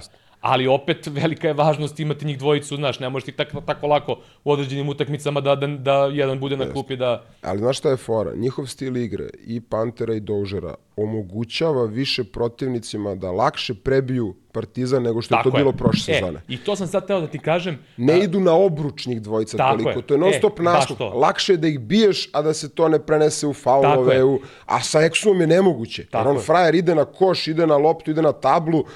Ne možeš ti sad na ono, da, da, ga, da napraviš kontakt da to ne bude faul u 80% Baš slučajeva. to. E, zbog toga sam to i rekao. Plus činjenica da često uh, usled te agresivne odbrane njima dvojici uh, dožere i viši i sve ostalo, pa često i vidi te pasove i to, ali u dosta situacija ne mogu da, da podele pas, ne znam, ili na Kaminsko kad se otvori ili u nekim drugim situacijama, a protivnici sve više i više baziraju tu neku čvrstu fizikalnu odbranu na, na, na partizanovim ballhelderima, konkretno na Dožeru i na Kevinu Panteru. E, dobro, to je to što se tiče te utakmice. Kažem, sad sledi pauza za kup e, Partizanu. Opet mnogo bitna utakmica protiv Igoke, ne više, mislim, i dalje je rezultatski smisao u pitanju zbog položaja, kažem, Partizan je sada kompromitovao i drugu poziciju u ABA ligi, ali e, trenutak u kom je Partizan mora da protiv Igoke odigra, a, da kaže, jednu utakmicu da od prve sekunde uđe čvrsto, da pokaže neku energiju, posebno što bi trebalo, Partizan ponovo ima veliku podršku, ovaj, kao i uvek u laktašima, a na neki način, uh, kako bi rekao, dužni su publici, više zbog utakmice sa Splitom nego su, uh, zbog utakmice sa Barnom, mislim da je ovo sve posle dobro, Barna, naravno, dobro. više plod svega To pre može toga. da se desi uvek, pa naravno ovo se desilo protiv Bajerna. Znači, to protiv Barna ja zaista nemam nikakvu zamerku uh, u smislu ne. nekog pristupa, energije, bilo čega, jednostavno te neke de detalji i sve ovo što je prethodilo toj utakmici je dovelo do, do poraza. Ovaj, tako da konkretno za Bayern ne bi ništa, za, nemam neku vrstu zamerke u tom nekom smislu kao što je Split. Tako da neki način Partizan je dužan svojoj publici u tom nekom smislu zbog Splita i ovih nekih prethodnih utakmica, možda ona dva derbija i tako dalje. I ovo je sada jedna situacija koja zahteva ozbiljnu reakciju, znaš. Da. Iz tog ugla meč protiv Igoke sutra je onako od ogromnog značaja za Partizan. Jest. I ono što bih pomenuo Plus kup, u tom naravno. kontekstu reakcije, to je kaboklo. Znači, to je To je ovaj moment Partizan, gde, gde imamo celu sezonu gde se Kaminski analizira kroz ono 56 lupa, mislim, ono, bukvalno šta god čovek radi, gde zbog tog, e, to je ono kad kažu dobar je taj prvi utisak je najvažniji, jel, gde, gde Kaboklo napravio dobar prvi utisak i onda nekako potpuno sve ovo ostalo što radi loše u posljednje vreme nije toliko ovaj, stavljena akcenat na to, a on je igrač Partizana koji je izuzetno bitan da bi sezona se okrenula u pozitivnom smeru a, i onda tu ljudi a, e, mešaju neke stvari zato što a, e, sad tu dolazimo i do psihologije i do sociologije. Znači, dolazimo do toga kakav je e, karakter igrač i da li on može da se nosi sa smanjivanje minutaže, sa čvrstinom koju donosi igranje za Partizan u ovom periodu sezone. Mm -hmm. Nije isto igrati za Ulm, pa nije isto ni osvojiti titulu, jer ti nisi imao pritisak da osvojiš tu titulu. Tako, to je potpuno drugačije nešto. Kad ja tebe stavim u situaciju da igraš za veliki klub, koji ne samo da mora da osvoje, on mora da pobeđuje na svakoj utakmici, gde ako ne pobeđuje, već kreće nervoza. Da, brate, ako, ako izgubiš prijateljsku utakmicu u Partizanu i Zvezdi, pa je pritisak. ako si nešto ispo, pa nije isto taj onda šut koji ti uzimaš ako nisi faca, ako nisi karakter, ako nemaš mentalno se nosiš time, ako si letargičan. Mislim, pričali su i njegovi bivši treneri o tome, uh, moraš njemu da priđeš ovako, moraš ovako. Čoveče, ovo je ono, ratno je stanje, mislim, ne, mogu, ne možeš ti sad svakome od njih pojedinačno da nije više ta, ta faza sezone, sad je faza sezone kad se biraju oni frajeri koji mogu da iznesu priču do kraja i da ne moraš svaki čas da ga pitaš jesi dobro, jel si kako treba. E, i tu je sad situacija gde mora Kaboklo sam da se izdigne, da se izdigne u priči, je. pa lako će njemu, on ima vrhunski stručni štab koji će mu reći šta treba da radi na terenu, ali taj moment energije, pristupa, Tako agresivnosti, da ove stvari koji su, sam da dovede da ove do stvari koji su njegov minimum, Tako mora da je. da radi sam. A on, pričali smo o tome kad je dolazio šta on treba donese Partizanu, je to doneo. Jest. U početnim utakmicama. I ta A dok neka, išlo dobro. Dok išlo... A čim je krenulo malo tamo, Znaš, vamo... I pričali je... smo, pa da, i pričali smo o njegovim preuzimanjima i, i ono protiv Panatanikosa i na brojim mečima gde on isprati nogama, gde izblokira i sve ostalo. Znaš, sad je došao od, od utakmice do utakmice gde mu daju trojke, gde on dva koraka se odalja. Znaš, trener Obradović ono baca ono air koplje, što se kaže, znaš. Ali zato ovaj- što je to, to je to sad e, nesnalaženje u smanjenju e, uloge, u većem pritisku, u više kritika, znaš, mm -hmm. ne, nesposobnost da se odreaguje e, na kritike na pravi način, znaš, nego prosto ono, neko ko nije naviknut na to ili je tetošen celog života, a kao tetošen pokazivo najviše, odjedno ako mu kažeš neku najobičniju stvar, on to shvati, ne znam, previše lično ili šta tako god se je, desi i onda to utiče da s manjom energijom izađe, a sad ne možeš ti više u, zbog trenutka u sezoni svakome od njih kao, e, znaš, njemu treba ovakav pristup, on treba ovakav pristup, nervoza je čoveče, izgubile su se utakmice, mora se pobeđuje, znači daj ono, ili uđi u priču ili se skloni. Be. Da, da. Pa ne znam, pričao sam sa, sa nekim drugovima na temu toga i njegove forme, uh, neki su mišlja da, da je, ne znam, povratak Kaminskog uticao na na lošiju formu, ja nisam taj utisak stekao zato što... Kaminski. Pa da, da, pa, ne, ali daj, pa da, pa znaš ono dežurni krivac.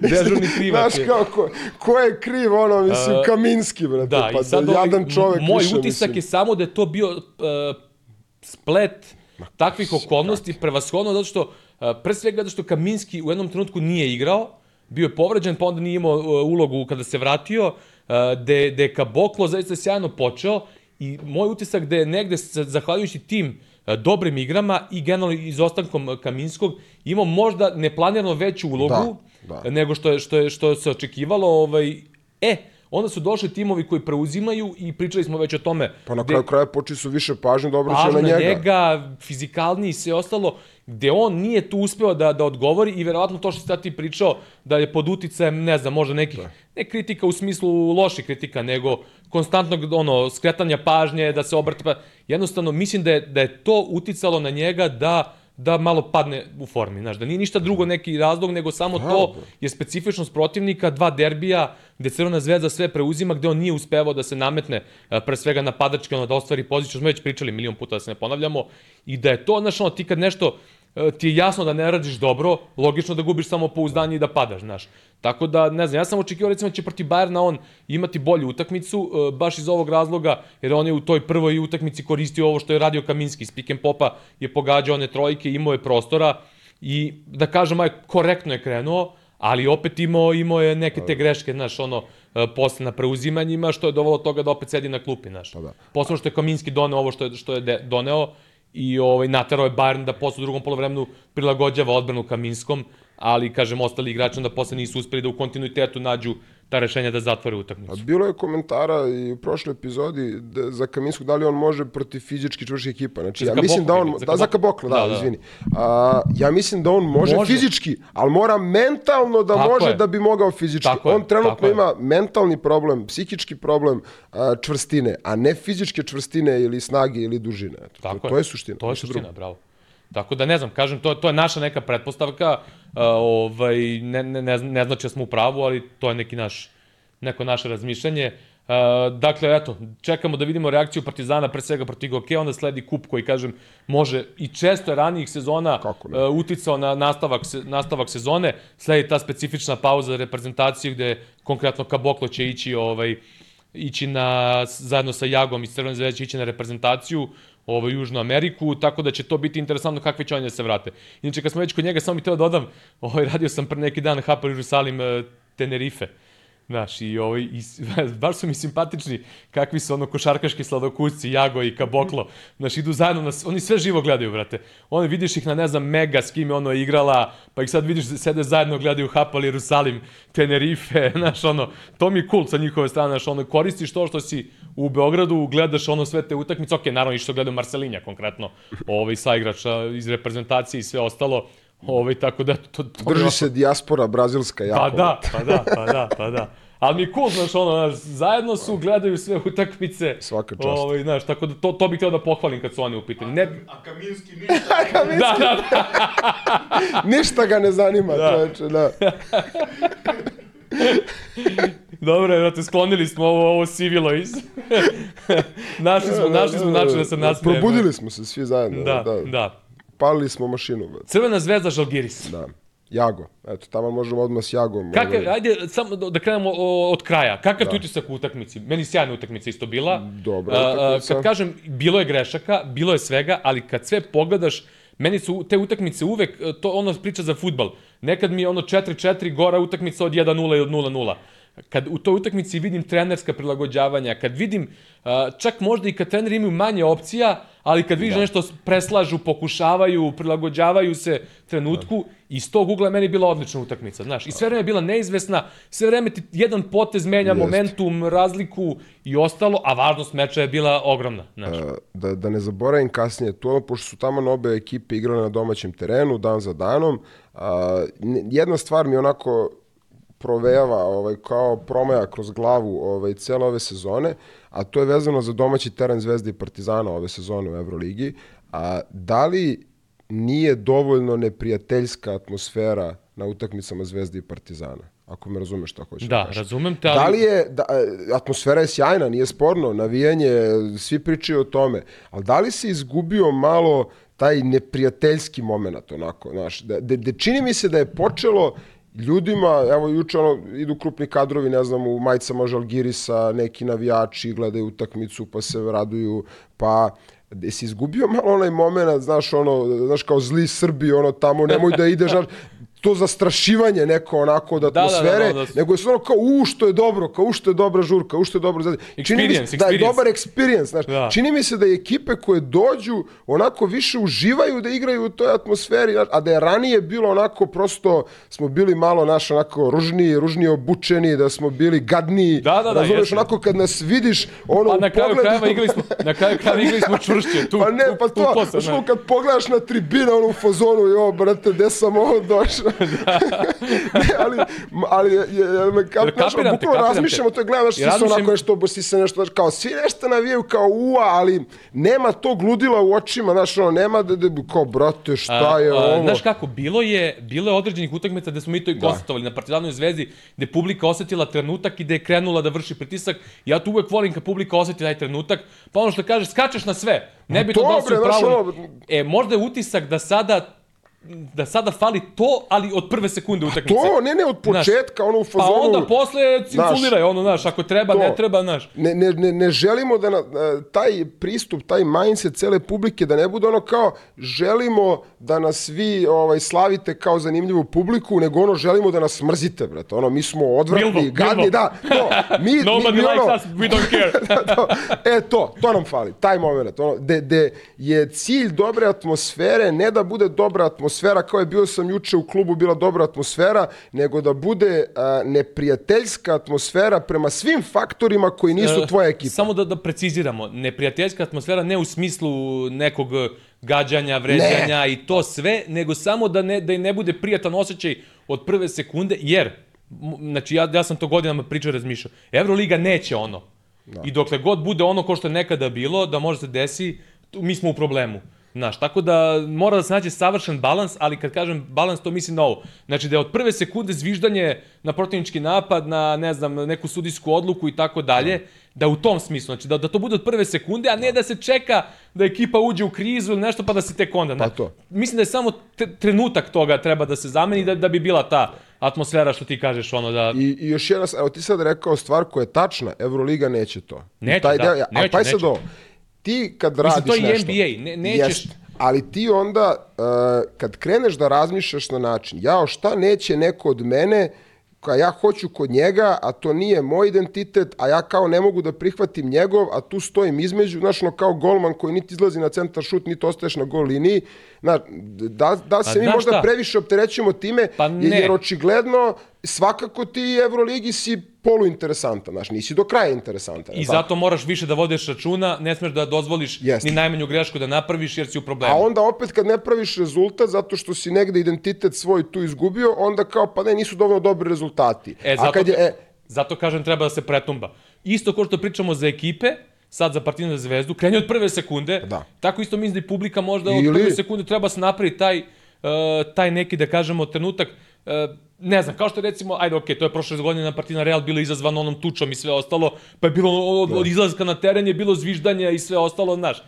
Znam da nije lako uh, ka, u nekoj situaciji, ono, u smislu, možda je sad taj trenutak, konkretno za Partizan za Zvezdu, posle pauze, da od prve sekunde bude to. Pa da. Ali Ali, mi- znaš, znaš- ali kažem, isključivo samo zviždanje, da. uh, pritisak na, na, na, ono, na, na, kad protivnik igra napad uh, na sudije u tom nekom smislu, da bi to zaista onako bilo, promenilo bi možda i, možda bi povuklo i ekipu, znaš, jer dosta Upravo to. često publika zavisi od ekipe na terenu. Jeste. Sad je trenutak sezone da je ekipa u krizi, znaš, ja, mi, mi kao klinici smo svi učeni da trebamo da najviše pomognemo kada je kada je kriza, tako? Tako je. Lako je, biti, lako je dobar u dobrome biti, kako on od Cana iz Party Breakersa rekao, lako je dobar u dobrome biti, treba s ljudima i gorka vina piti, znaš.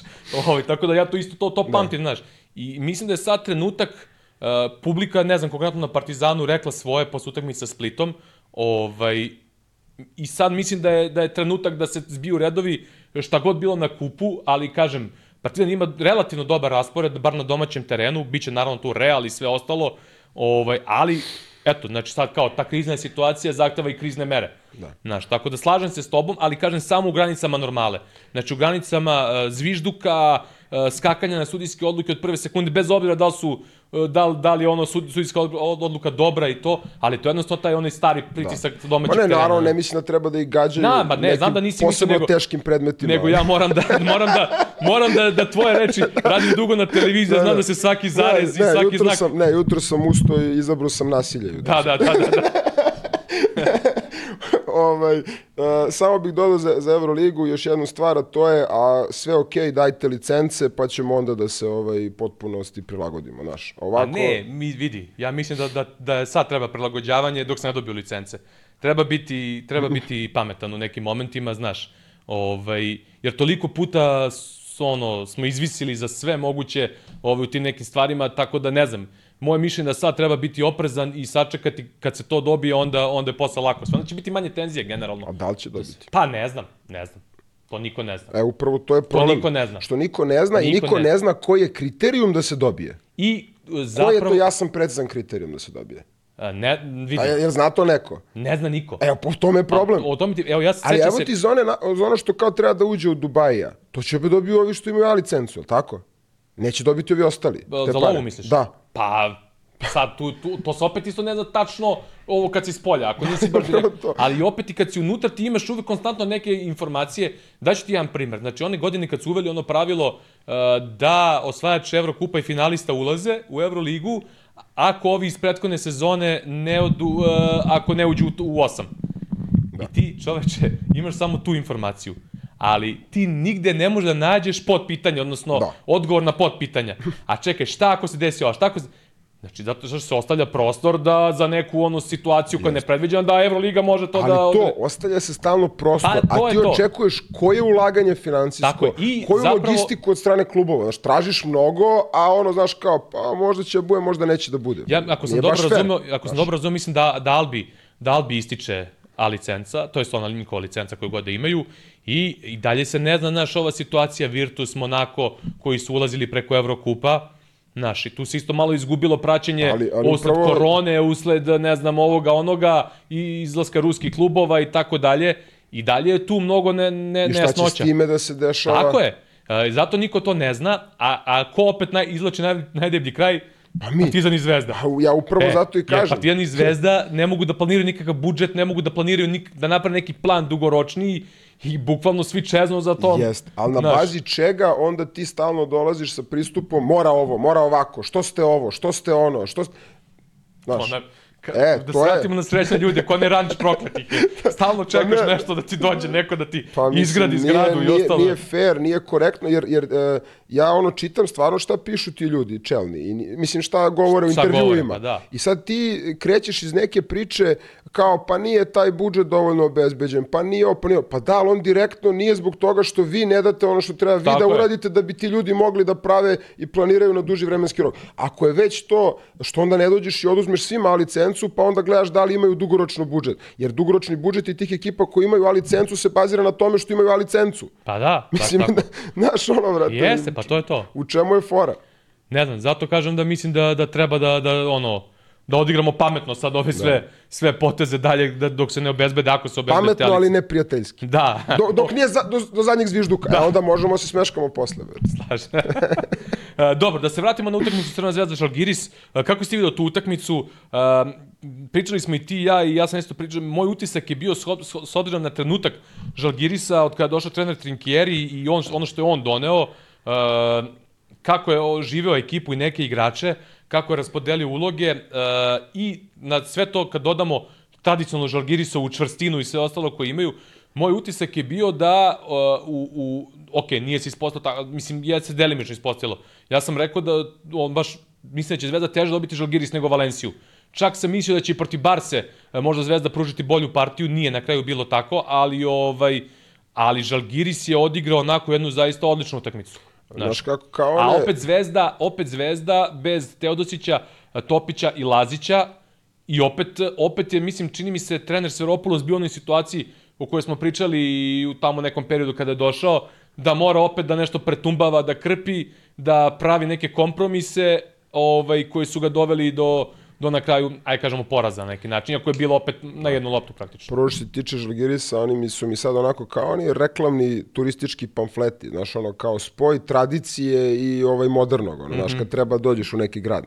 Jer je ovaj Trinkieri prvo, stvar koja je e, posebna kod Trinkierija u odnosu na, na, na ovako dosta tih trenera koji su objektivno svi vrhunski što se tiče kočarkaškog znanja, je što on zna, znaš, on zna prosto i kako da priđe Tako i da analizira ukupni ono socioekonomski moment i da to sve i ovaj e, ljude i prosto publiku da nađe Animira, način da. da animira da poveže s identitetom ekipe da da sve te neke stvari koje nisu usko vezane za teren, a posle doprinesu onom dobrom proizvodu na terenu, da kaže šta treba, da prosto um, animira upravo to, da, da galvanizuje celu priču uh, i to recimo Trinkeri radi vrhunski.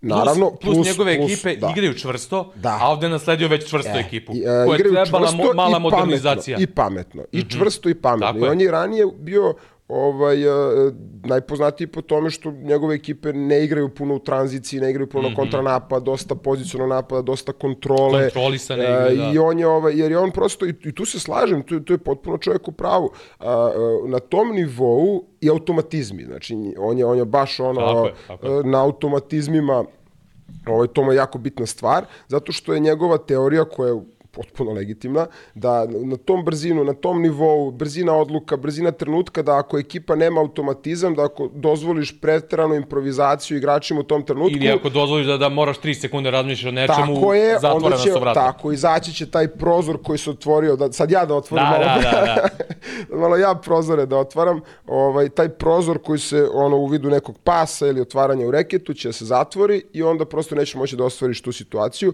i on je zaista uh, onako fenomenalno je uklopio čvrstinu tradicionalno Žalgirisa, malo im je i povratio te čvrstine jer su ove sezone bili klimavi na tom planu, a uspeo je prosto ono što on voli da napravi a, dobar protok lopte, da se igra u širini, da se ciljano gađaju neke situacije u pozicionom napadu, recimo da nađe ulogu Birutisu koji je, Tako je. koji igra Da fenomenalno nađe kod ulogu njega. Birutisu i Birutisovoj pogačici. Tako je, znači da, da nađe on tu sve onako fino da tunira sve te momente i on to radi fenomenalno, mislim on je vrhunski trener, tu nema greške.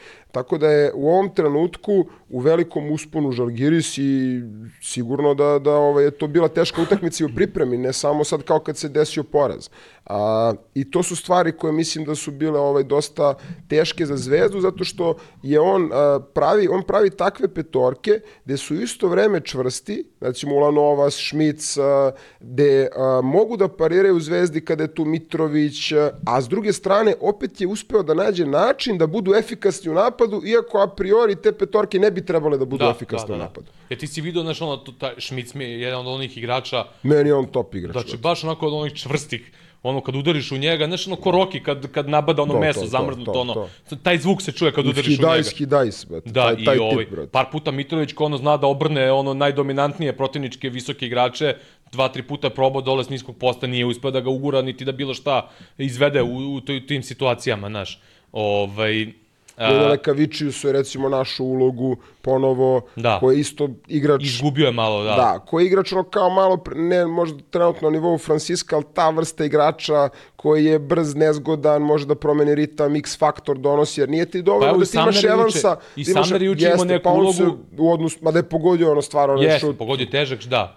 Ali hoću da ti kažem, znaš, e, polako mi je utisak, jer mi smo pričali za A Samnera... nalazi mu on sad Da, za Samnera smo pričali kad je dolazio da može da bude ili pun pogodak ili pun promašaj. E, malo je sporije išlo njegovo prilagođavanje na Evropu, ali polako u toj nekoj igri, jer on je isto taj igrač koji nije, nije baš, nema tu atomsku energiju kao Exum, ali može delić toga da donese, ako je ono komforan i sve.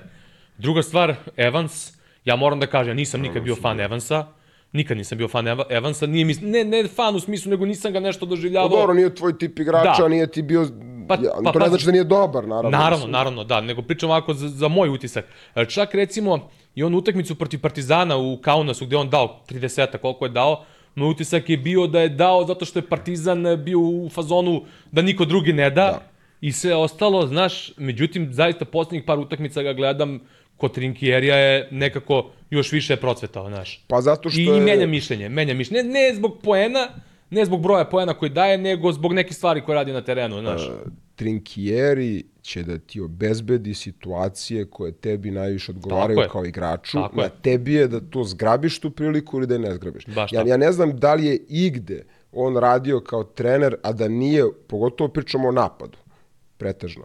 Znači, da ti on nije kao igraču otvorio situacije, otvorene šuteve, opcije, setove koji će da iskoriste tvoj kvalitet. Da li si ga ti iskoristio ili nisi, to je To sad je na druga tebi, priča. da. Ali je prosto takva vrsta trenera koji, zato što je potpuno posvećen tim setovima napadačkim u pozicionom napadu, gde on čovek to dizajnira idealno, znači prosto ne, nemoguće da te lopta ne sačeka gde treba, e sad da li ćeš ti da pogodiš ili nećeš, tako da i treba mu naravno Evans koji je tu ono što svaka ekipa mora da ima, igrača koji će iz izolacije da pogodi, znaš onaj šut koji je pogodio, mislim da u četvrtoj četvrtini preko Nedovića, da Nedović je 45 odigrao levih, ono. odbranu i odigrao fenomenalno Da, da, da, onaj znači ne, nema bio- greške, odbrana je bila vrhunska, čovjek je pogodio brate, kao kap je Pa, pogodio, brate. dve, tri situacije, oni prodori, nije čak ni završio neke, pa su bili posle ofazivni skokovi, ali navuče trojicu na sebe na prodoru i nosi na, na, na leđima, Ne pogodio nužno, ali špic je da, ispratio, da. vratio u koš, bar zato što su svi na njemu pomogli i tako dalje i tako dalje. Znaš, ono, ogroman kvalitet koji donosi. Nisko težište, čvrst uh, i šut.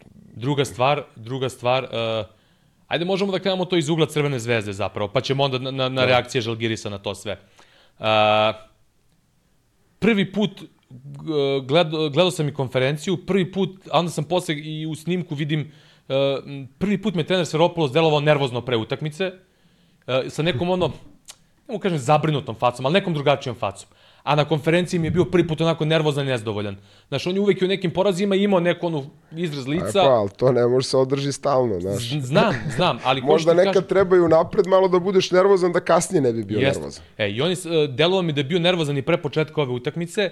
Uh, nedostatak Teodosića, ne treba više da pominjemo to i, i već smo pričali milijardu puta, Lazića, na ovoj utakmici konkretno, moj utisak je bio da je izostanak, ne, ne znam šta je sa Hangom bilo, da li Hanga imao neku povredu ili nešto, ako sam vidio nešto 9 i po minuta možda odigrao, Da. ovaj, i prilično kasno je ušao prvi put na teren, tako da ne znam On da li igra on- završnicu, tako da verujem da, je, Jeste, ovaj, imao- da nije povreda, ne, Pa mislim, ne možda, znam, ne znam, ne znam, kažem ti, ne, nemam nikakvu informaciju, pa ne znam, ne, neću ulazim, ali utisak mi je da izo, zbog izostanka Lazića možda mora da odustane od preuzimanja u, od starta utakmice, što je Zvezdina bila strategija u većem delu prethodnih nekih mečeva, znaš.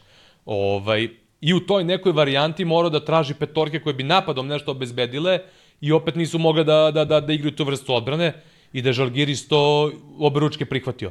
Znaš, Zvezda je morala u nekim situacijama izabrali su strategiju da čak i kad preuzmu da idu na udvajanje gore na, na, na To, handlera. oni inače to sa Sferopoulosom rade stalno. Jeste, da. Pogotovo kada ističe vreme za napad. Tako je, da, late lock situacije i ovaj, s tim što, zato, zato sam sve hoću to, to taksativno da nabrojimo, da bismo pričali o reakcijama Žalgirisa. Ovaj, e, te situacije, udvajanja na niskom postu e, i sve ostalo e, su bili neki, da kažemo, neophodni izbori, rekao bih. U datom trenutku bez Lazića, gde ti ne možeš tako lako da se od- odlučiš na, na, na ta preuzimanja bez njega.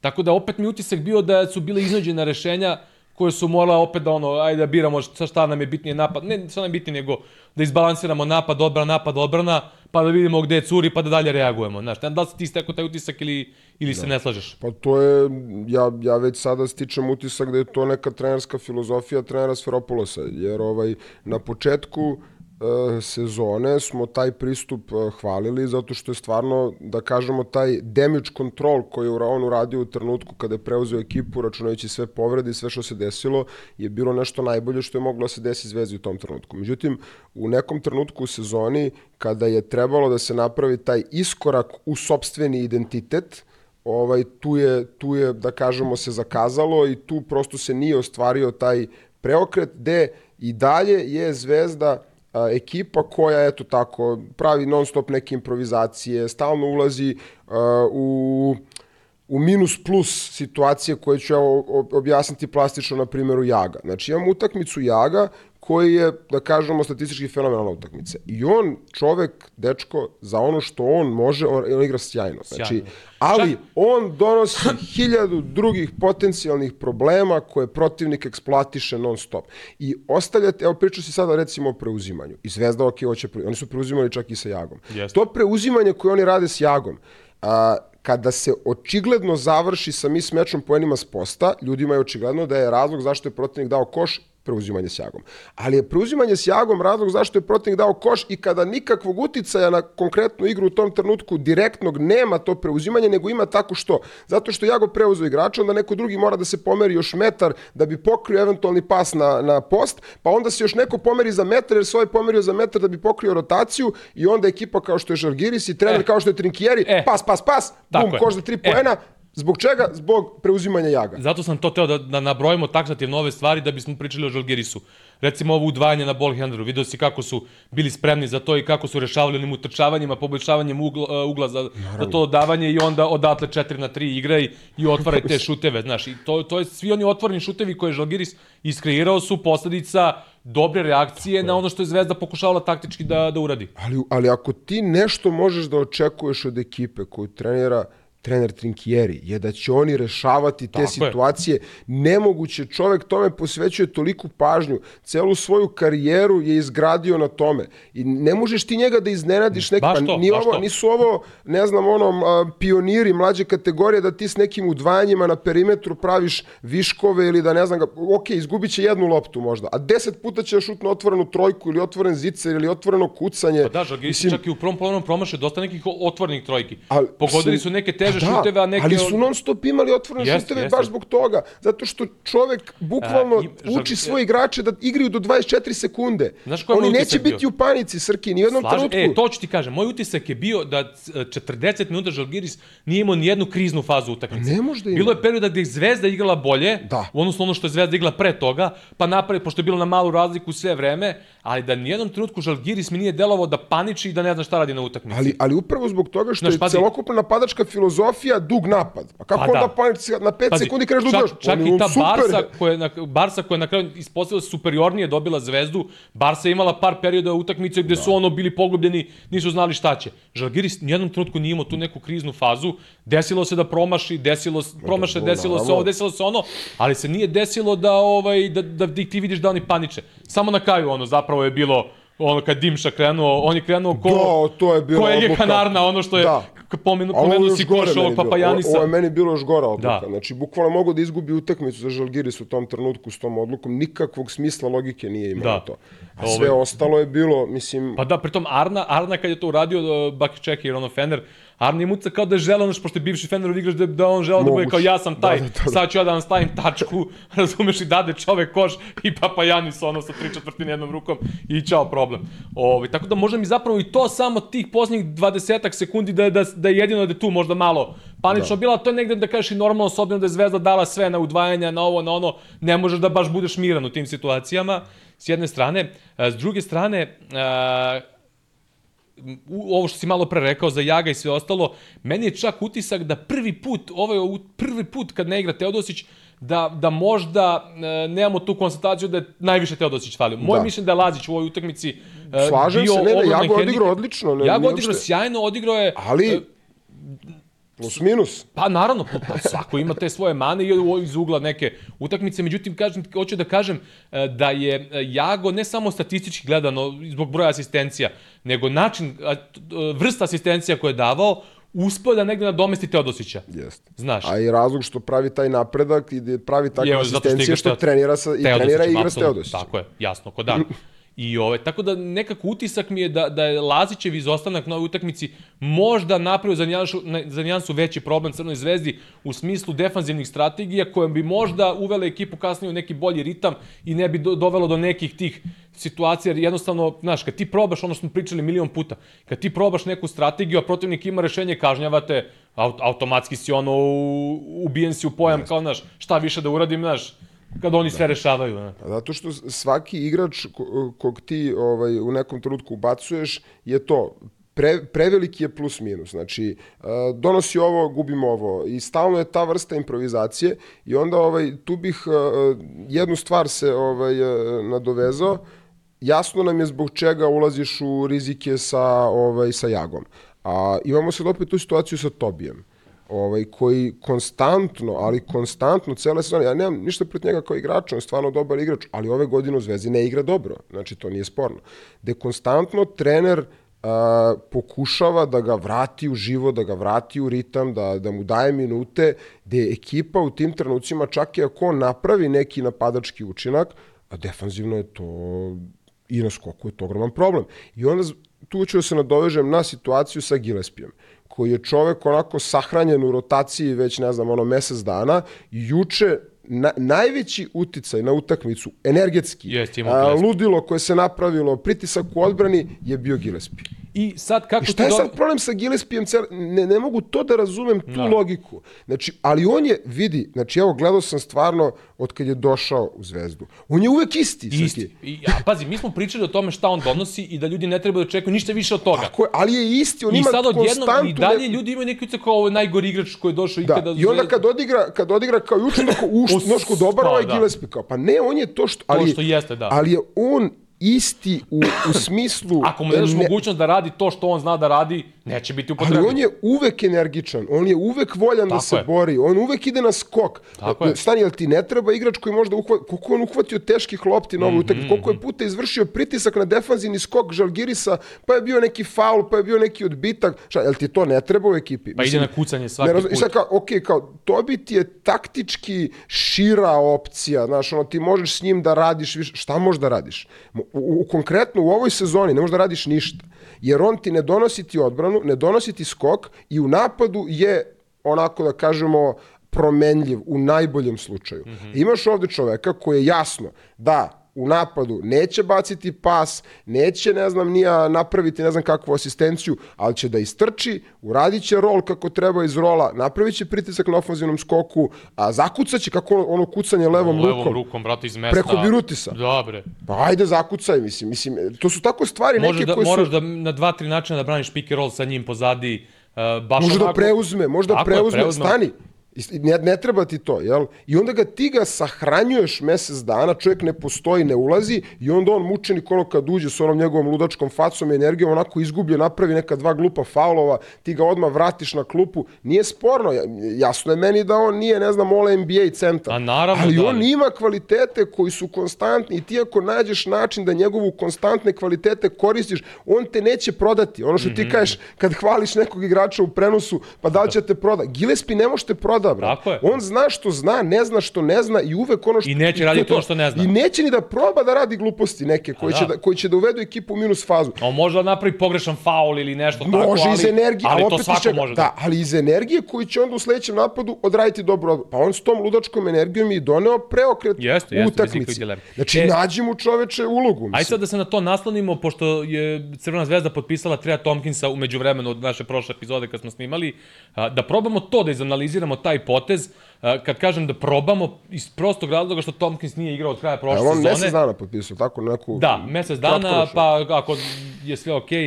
Uh, on ima neki problem s povredama. Ta prošla sezona u Zenitu mu isto onako, u najmanju ruku da kažemo, bila diskutabilna. I sad teško je u ovom trenutku uh, proceniti šta on može da donese Crvenoj zvezdi. Odnosno, Baš teško. da li će moći da do, donese ono što, što on donosi.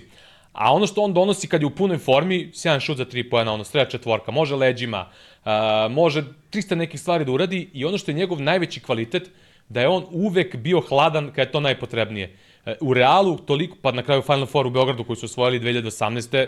On i Kozer, Pa ne ali bi ga držali u realu toliko dugo, mislim. Tako da... je. E sad, uh, ono što je isto specifično, sad ja kažem, ne znam kako je njegovo fizičko stanje u ovom trenutku, pa ne mogu dublje da analiziram, ali mogu da kažem iz onoga ranije što je slučaj. Uh, jedan od najspecifičnijih igrača, on je svaku sezonu kasnio sa početkom, iz razno raznih razloga, ovaj, prosto mi je neverovatno kako se priključi ekipi, kako počne da igra, on ima uticaj. Znaš, i sad, kažem ti, ne znam, znaš, da li ima neku povredu kolena ovoga, onoga, to, to nemam te informacije, pa ne mogu da ulazim u, ali znam da on niš čega se pojavi i donosi instant. Da. Znaš, to mu je bila odlika u Realu, recimo, Ove, seća se ono, propusti tri meseca po, na početku sezone, pojavi se toga odmah na prvoj utakmici je faktor za Real. Ne mora to da je faktor s 25 poena. To je faktor sa 4 poena kad se lomi utakmica, znaš. U tom smislu je faktor. E, tako da, ajde da probamo kroz njegove igračke kvalitete da, da proanaliziramo šta bi mogao donese Crvenoj zvezdi. Dobili bi stretch opciju, Dobili bi četvorku. četvorku koja može da šutira, godine. Koja bi, da kažemo, smanjila te potrebe trenera Sveropulosa da krpi neke stvari. I ono smo pričali da bira one petorke s Mitrovićem i Tobijem, ovaj, Bolombojem. e, s Bolobojem, da, izvini. Ovaj, s druge strane, dobiju još jednog igrača koji može s niskog posta da odigra. Jer Tomkins može s niskog posta da igra. Može u napadu sve što Sve. treba jedna četvorka da uradi, on Tako sve je. može. Tako da to su neke, da kažem ovako, inicijalno stvari koje on, ako je spreman, može da donese. I iz tog ugla sad da kažemo da je u savršenom svetu to sasvim da. fenomenalan potpis Crvene zvezde. U idealnom svetu. U idealnom svetu. Da li idealni svet, to ne znamo. e, U smislu, ne znamo kako je njegovo stanje. Pa čim, čim nije našo klub do sad, idealno sigurno nije. Pa znaš. to ti kažem, ali ne znamo šta je razlog, Da, znaš. da. Tako da ne možemo dalje da analiziramo, bilo bi neozbiljno, ali ovaj kažem ti ako je on spreman i ako nema nekih ne znam problema s kolenom ili šta ti ja znam čime god, da je njegov jedan od jedna od njegovih specifičnosti instant instant plus Zato što je don- pametan igrač, Da. mislim, to... A i on ima tu neku onu, onu smirenost, pozitivnu smirenost. Uh, on ima ludačku smirenost. Da. Znaš, on ima smirenost, ali smirenost koja neće Da, ono, da, da, da, biće miran da ga ne poremeti t- nervoza, a biće dovoljno nervozan da ti donese, da ti ne donese onaj kontraefekat Da, koji smo pričali. Jasno. E, tako da to neki moj utisak, ali kažem, dok ga ne vidimo na terenu, dok ne, ne znamo kakvom je stanju njegovo telo i sve ostalo, ne možemo. Kažem, imao je lošu sezonu u Zenitu prošle godine, ispod onoga, ali opet na neki način i on je možda igrač, ono, kako bi ti rekao, naviko na jednu vrstu uloge u Realu, Da, da. A opet uzem taj i to- real te ubije, znaš. Malo te ubije Jeste. taj real kad se navikneš tamo na tu priču, jer uh, upravo to. Smo pričali. Kao što ovde sada Zvezda i imaju problem sa igračima koji ne mogu da se naviknu na ovu komitet priču, znaš, kao rotiramo se, e tako igrači Reala se posle teško prilagođavaju Da da, iz budu nosioci. komiteta uđu kao moraš ovo, moraš, Moraš, svaki tako dan, moraš svaku utakmicu. Mislim da je tu problem. Ono, on je kao, ono, znaš, uh, imam vrhunski, ono, premium polovni auto, znaš, ali nije upalio zadnjih 7 meseci, ga nismo pali, a i prošle godine na zimu nešto nije hteo, ovaj, pa sad, znaš, kao, ti uđi malo jeftinije, pa ti probaj, vidi, i sad, eto, to je, Da, to je e, priča, znaš, da. koliko će dobri majstori da budu da ga ožive, koliko će ovaj, da klikne ovaj, na ove naše puteve domaće, pa ćemo da vidimo kako će da bude. Ti, brate, preš, prešao na tebe ovo komparacije sa saobraćajem, kolima i ostalo. Pa moralo je nešto bre, da Ti ko Jago uz Teodosić, ovaj, što je počeo da baca pasove, tako ti počeo kolima ko ja. Je, jo. Ne, ali moram više o saobraćaju, saobraćaju, ono, Pa situacije, sad, da. A, situacije, konkretne. Komparacija da, da, saobraćaj teren i ostalo. To, to. I realan život. Je. A, znaš šta mi znači, interesantno sad iz ugla Tomkinsa, ovaj, a, ako bude donosio to što, što može da donese, kažem u tom nekom idealnom, u idealnoj situaciji, a, mislim da to otvara prostor za mnogo više, odnosno više prostora za Gillespija, odnosno da se više e, igra sa njim na neki način, jer kao takav donosi inside out igru i samim ti možeš da, da, da, da po znacima navoda trpiš jednog igrača koji ne donosi ove neke e, e, e, osnove igre na neki način. Pa mislim da on može da donese Zvezdi ono što su očekivali da će Davidovac da radi ove sezone. Mm Mhm, -hmm, prosto tu mogućnost da, da pogađa u kontinuitetu, da, da bude malo i playmaker sa posta ako treba, prosto da poveže. Mislim, što se tiče naravno igračih kvaliteta, ništa nije sporno, ovo što smo rekli, da vidimo kom je stanju prosto i kako će to da, da, da funkcioniše. A, šta sad hoću samo da kažem iz ugla ovog izostanka Lazića, videli smo da je trener Sveropulos probao da, da, da igra i sa Lazarevićem koji je ušao u rotaciju, e, pa čak i Ilić je imao neke kratke momente, ali su mu trebali ti igrači da kažeš defanzivno polivalentni koji da bi mogao da, da proba da preuzima usled izostanka Lazića. Znaš, nekako svi, svi ti detalji su mi naveli na ovo na razmišljanje da, da je prinudno morao da odustane od te strategije zbog izostanka Lazića. Da. Tu ima jedna interesantna stvar uh, koju ovaj, su negde i u komentarima na ove prethodne epizode su ljudi pominjali vezano za defanzivce, uloge, igrače uloge. Meni se čini da trenutno u Euroligi nikad manje ovaj, toga nije bilo, tih specijalaca defanzivnih, mm -hmm. pa evo čak i Zvezda ne koristi u toj meri. Dobro, Lazić ove zone ima dosta povreda, dosta problema s time.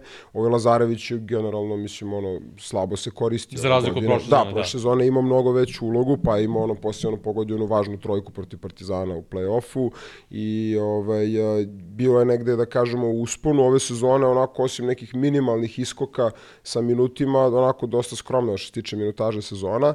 I ovaj, onda je jako teško da ti igrača koji nije u ritmu, a on definitivno nije u ritmu, na nekoj tako važnoj utakmici protiv takvog protivnika što- je Žalgiris, jer nije toliko individualno kvalitetna ekipa, ali ovo što smo pomenuli, vrhunski čita situacije, znaju gde da napadnu, znaju šta hoće, e, ne možda očekuješ sad od njega da odjednom napravi ne znam kakav učinak. I to je ovo što sam, nadovezu bi se na ovo malo pre što sam rekao, a, ne možeš ti da baziraš celu sezonu na improvizacijama. Znači u početku dok se smiri brod, dok lepo vidiš ono koji je kurs za dalje, ono, ćemo kapučini ili ćemo da idemo na neko kopno, ti moraš da napraviš prosto priču koju će onda samim tim, kad napraviš takvu vrstu signala igračima, i oni će znati da se usmere i da prosto pronađu svoj ritam i svoju formu. Mislim da to trenutno fali Zvezdi, jer ne možeš da očekuješ da ćeš ubaciti posle, ne znam, 15 utakmica odjednom Lazarević i da će onda odigra lockdown odbranu na, ne znam, ono, Evansu ili kome god treba da odigra. To, to je nerealna priča. Da.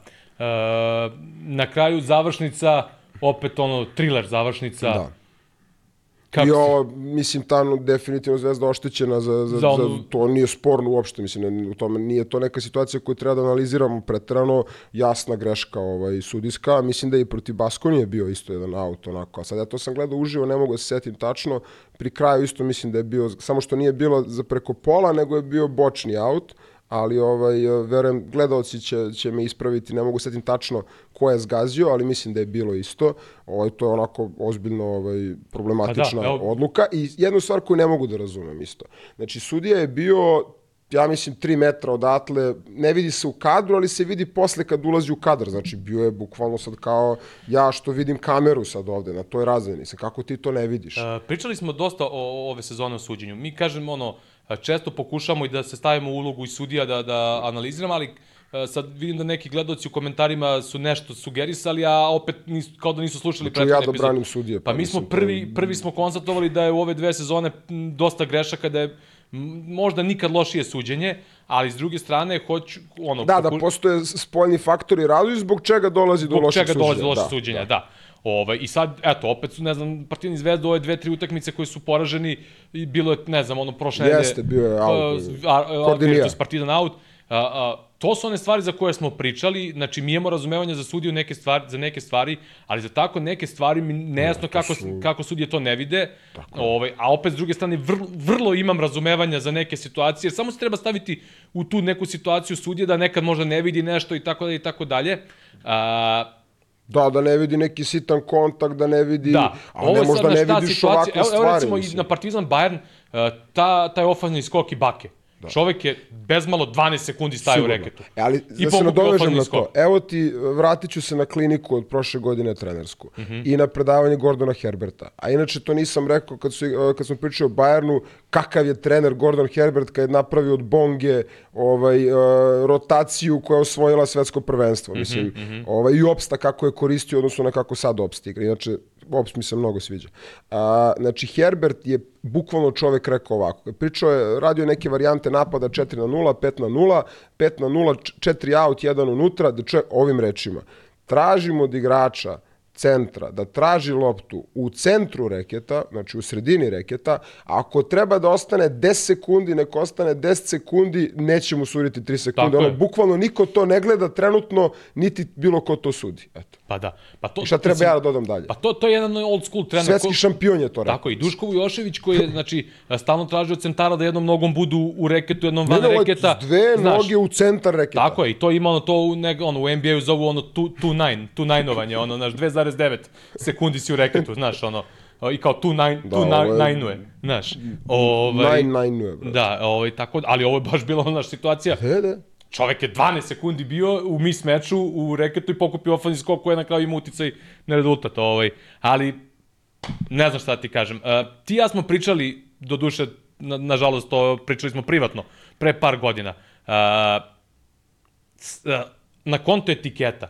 Stalno je priča kao, evo, kao, kao ja ove FIBA sudije, ja ovo FIBA. Šta su loši Brate, nešto od, od ovih kunem ti se evroligaških utakmice sudija? FIBA Lige šampiona, pa čak i neka, ok, reprezentacija ima često onih sudija koji su, ne znam, iz nekih manje košarkaški razvijenih zemalja, pa ima tu neki grešaka i sve, to je tačno, to je činjenica.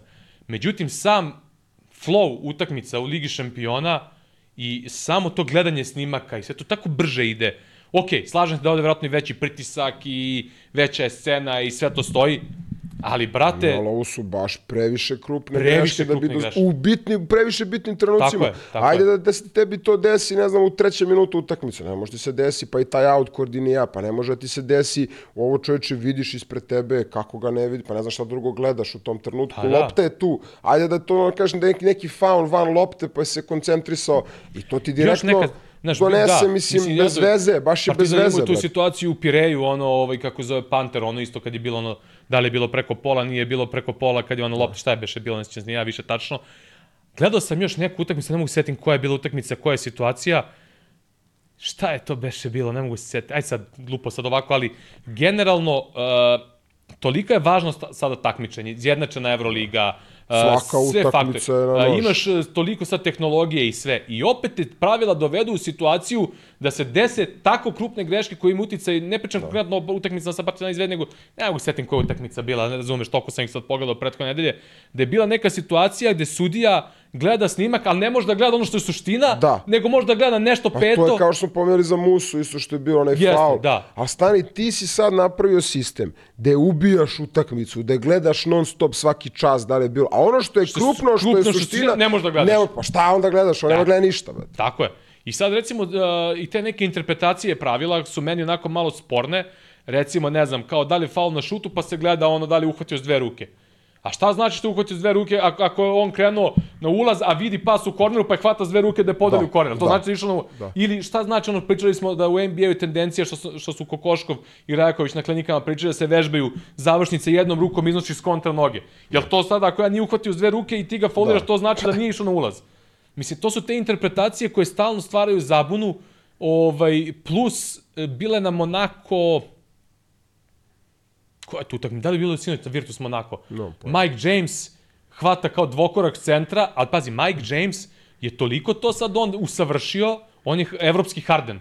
Znači, Harden je Da. usavršio one neka pravila ranije, pa su menjali pravila zbog njega.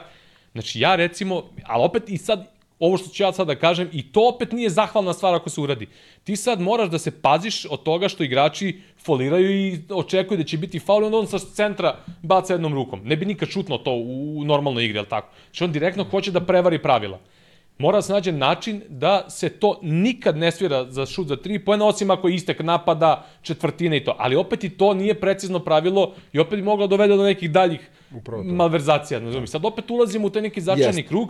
E sad James je usavršio, pazi Jamesa juče na toj utakmici.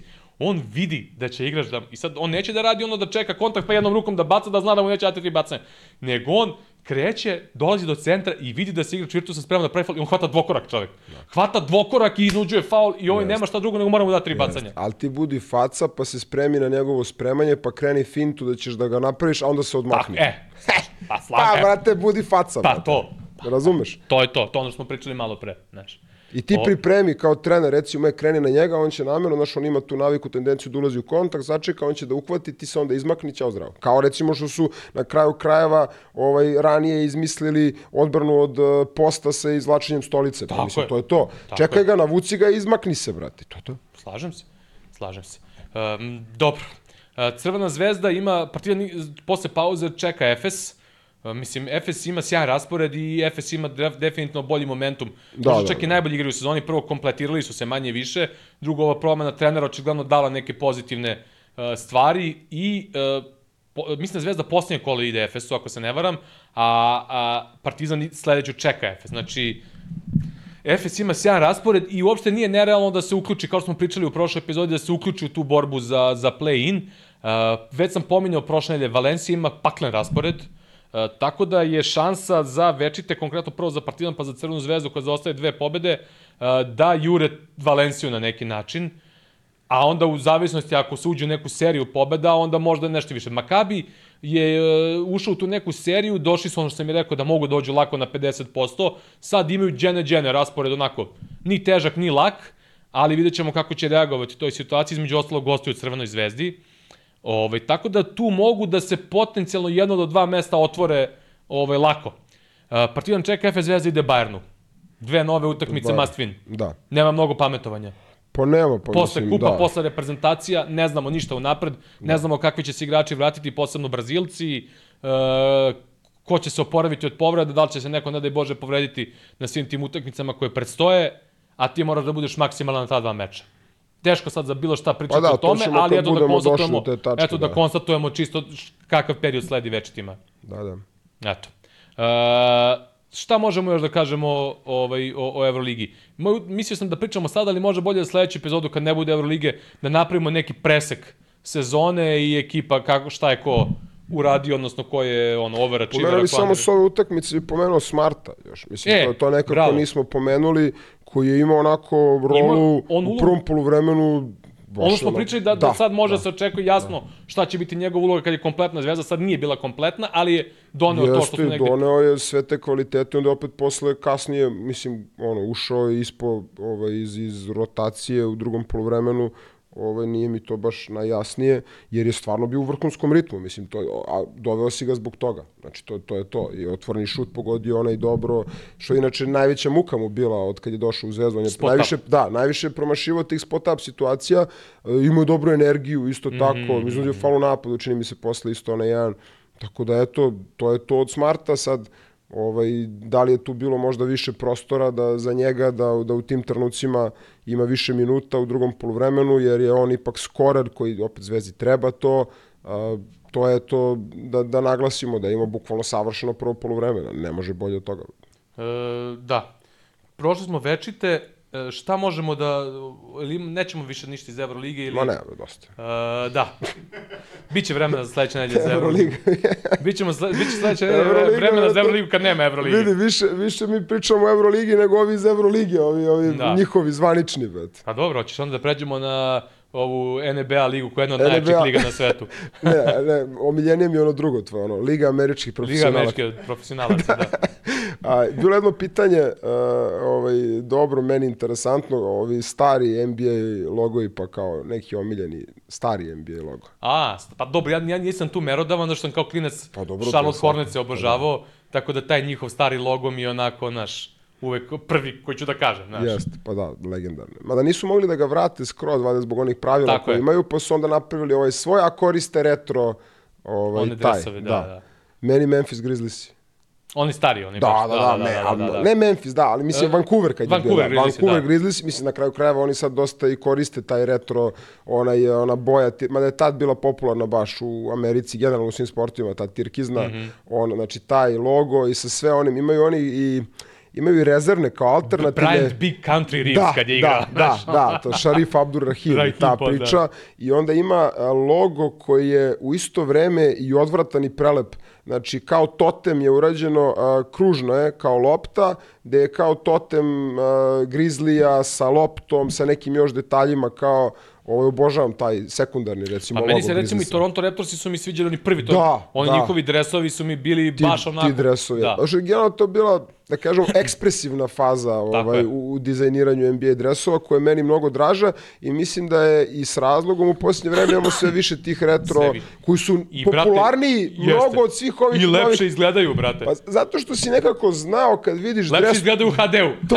I u 4K. A kad vidiš dres Toronta, vrate, znao si da je to dres Toronta. da. Jeste možda malo previše kartunizovano, ali ono, šta fali, brate? Znaš, Šta fali prosto- super ide na, na ovo današnje vreme, Ide, znaš. ide dobro, brate. Jer ja, brate, pamtim, znaš, ono, nikad neću zaboraviti, mi smo bili, ja sam bio konkretno četvrti gimnazije, to je bilo odmah posle bombardovanja i to sve, i sad ono još je bilo ono NBA komp, uđeš, Da. uđeš ono, daj lap, pa skidaš klip, kao, znaš, Da. i staviš ono, ja krenem ujutru u školu, stavim da se skida i čekam da kada se vratim kući da pogledam za kucavanje Vinsa Cartera i sećam se čuveno Carterovo ono kucanje protiv Indiana Pacersa, ono kad je, znači, je, to sećam se i to je bilo u tom dresu, znaš. A, a sad oni su, u to vreme su oni promenili onaj, u onaj ljubičasti malo da kažemo, Posle onaj da, da. On je zakačio tek na početku karijere malo zakačio taj stari da, dres. Da, da, da, Jer ja za njega nekako vezujem onaj ljubičasti sa ono sa, onim onim crnim, sa da. humelom. Da, da, sa humelom, jeste, jeste, sa onim ševronima koji su bukvalno kao humel, brate. Da. Uglavnom, ne znam, eto, ali stvarno je bilo u to vreme, ono, ne znam, meni se čak... Atlanta, brate, stani Atlanta sa- Atlantin, sa onaj... Pac-Manom onim. Ne, ne, ne, ne, ne, onaj luđi, onaj sa, oni sa Muki. Blaylock, onaj, da, Blaylock, da. kad su bili Christian Leitner to, to, i ostali, to, to. ono,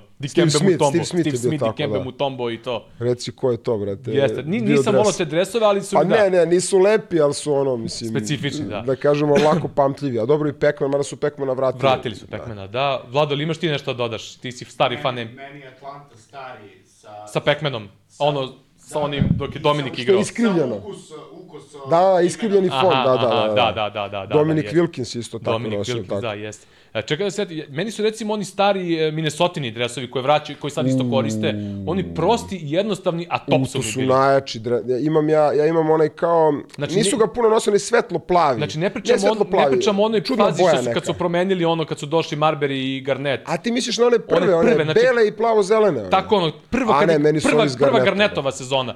To, to je, mislim, na su nosili misliš, da, da. i onda... Da, da, Tad je da- logo bio drugačiji. Bio onaj vuk kao tako više je, u onoj lopti, u onoj lopti, da. A onda su posle tad, da li to druga Garnetova sezona, plus Marbury, kad došla, onda su uveli one što imaju one kao jelkice Da, po, po, ja da. obožavam te dresove. Imam Ja ih jedan, gotim, ali da. oni prethodni su mi top, zato što Da, su da. nekako, ja volim te kad su jednostavni, a nekako imaju nešto. Da, da, da. Znaš. Jer i taj logo gotivim, taj koji su promenili, ono, to je kao na šuma, pa onaj Vuk... Uh, A, Ne ne, znam, taj- ne znam taj da li ima vrh, veze da. zato što to vezujemo za detinstvo i tako to. ima sigurno veze. Ali mislim. meni su recimo oni stari dresovi Indiana Pacersa isto cool. Koji? Sa onim. Sa uk, oni, ali ne oni što su im e, pisali ono kada je Reggie Miller, nego znaš, oni crni ono, McKee dok je bio, ne znam, i Haywood Workman i Reggie Miller i ta ekipa, ono, Pa, o, recimo Orlando... pre nego što su prešli na one prugaste, znaš, e, ta, ta. Da. Tu Znam na ništa specijalno, ali su mi nekako cool bili. A znaš šta? E, to, Drugačiji. s- svaka ekipa je nekako imala jasan identitet. Znaš, kad Tako vidiš je. što je to, odmah pomisliš na pes. Recimo Orlando imao, mislim, na kraju Oni su Orlandovi, su bili je- brutalni dresovi, brate. I plavi, i crni, i Plavi beli. meni se najmanje sviđaju, ali Da, oni beli, crni i beli su. fenomenalni. Znači, i logo, i ono sve kako izgledalo, uh, parket u toj hali koji nekako deluje ti svetlije, Da. pa oni što, ba, ono kad se čuva onaj zvuk kao magije, kad pogode slobodno. Znaš, sve mi nekako to bio komplet, ono paket, razumeš, da, da, da uživaš. A znaš koja je meni recimo stvar o kojoj godinama razmišljam, ne kontam zašto to uradili. Meni su, e, ne samo što je nama to tad bilo nedodirljivo, sve ukupno sada NBA je mnogo bliži svima. Međutim, trenutak kada NBA menja e, izgled parketa u smislu reketa. Svećaš da su reketi u NBA-u bili ono, uh, kako ti kažem, gde su skakačka mesta bila dupla linija. Da, da. Sad su tu jednu liniju sklonili, odnosno jedan deo su sklonili i sad izgleda malta isto u Evropi. Manje linije ima na terenu. Ne znam da, da, da li me ti razumeš, da Ne, li znam, publika znam, razume. znam tačno što. A, pa su bili oni logoji sve. A, NBA parketi su nekada bili, brate, ono druga dimenzija nego sada. Sada se NBA parketi više, odnosno Evropa se pomerila Ja ka mislim da NBA-u. i do toga ima, NBA, znaš. A da, ali NBA isto ugasio par stvari sa terena i samim tim i on prišao ovom Evropi. I sad nekako mi nema neke prevelike razlike, a znaš ono da je bilo u ivicama reketa druga boja, na primer, pa unutra nešto Dobro, to je Charlotte ima onom starom u I Koliseum. imao ono, da, ima a ne, ali nisu imali drugu preto, boju, Da. oni su imali drugu boju unutar linije za tri Da. poena, nego ti pričam, kako bi ti rekao, znaš kako su skakačka mesta, znači ide reket ovako, Da. a onda je bilo još jedno ovako, Da. znaš, u NBA parketu. I to je u Evropi čak jedno vreme imao, neko je imao, da li Hapol Jerusalim ili neko imao Da, tako. da, kapiram, ta linija E. za skok je druge boje odnosu na, na reket, recimo, možda bude. Pa ne, da, ne uvek, ali su dve linije bile. Da, da, da. da. Znači, kako su one crtice za skakačka mesta, imaš jedna linija. Bili su puni reketi. Plus ti logoji koji su bili, uh, ono smo, ne znam da smo i to pominjali u podcastu, Kao zašto ono, se zove Chicago lo- Bulls i, Pominjali smo za i Chicago logo Bulls. pik i, E, logo i, pick i kao što je sada ovaj, Tako je. Novickijeva silueta na tom delu gde je odakle on šutirao. Znači, bili su logoji uh, praktično pored reketa, negde bližu, između reketa i kornera i zato se zove logo pick and roll. Iz 90-ih ide taj naziv, Da. jer se odatle igra taj pick and roll stalno ovaj, i zato i dan danas ga zovu logo pick and roll. Ja to često i ob- objašnjavam u prenosima, da, pošto je danas Da. ne, ne, ne može niko da skonta. Izumrlo je. Pa da. Tako da, to su sve neki detalji u NBA-u, meni su i parketi bili nekako mnogo bolji i sve, znaš, po, pokušavam da analiziram da li je to nostalgičan Ali, pogled znači ti kažeš zbog realan, čega znaš. možda i nije toliko, jeste jednim delom sigurno, ali ne bi vraćali te dizajne Tako da nakon te, nije da cool. nije bilo. Tako Evo je. recimo Phoenix.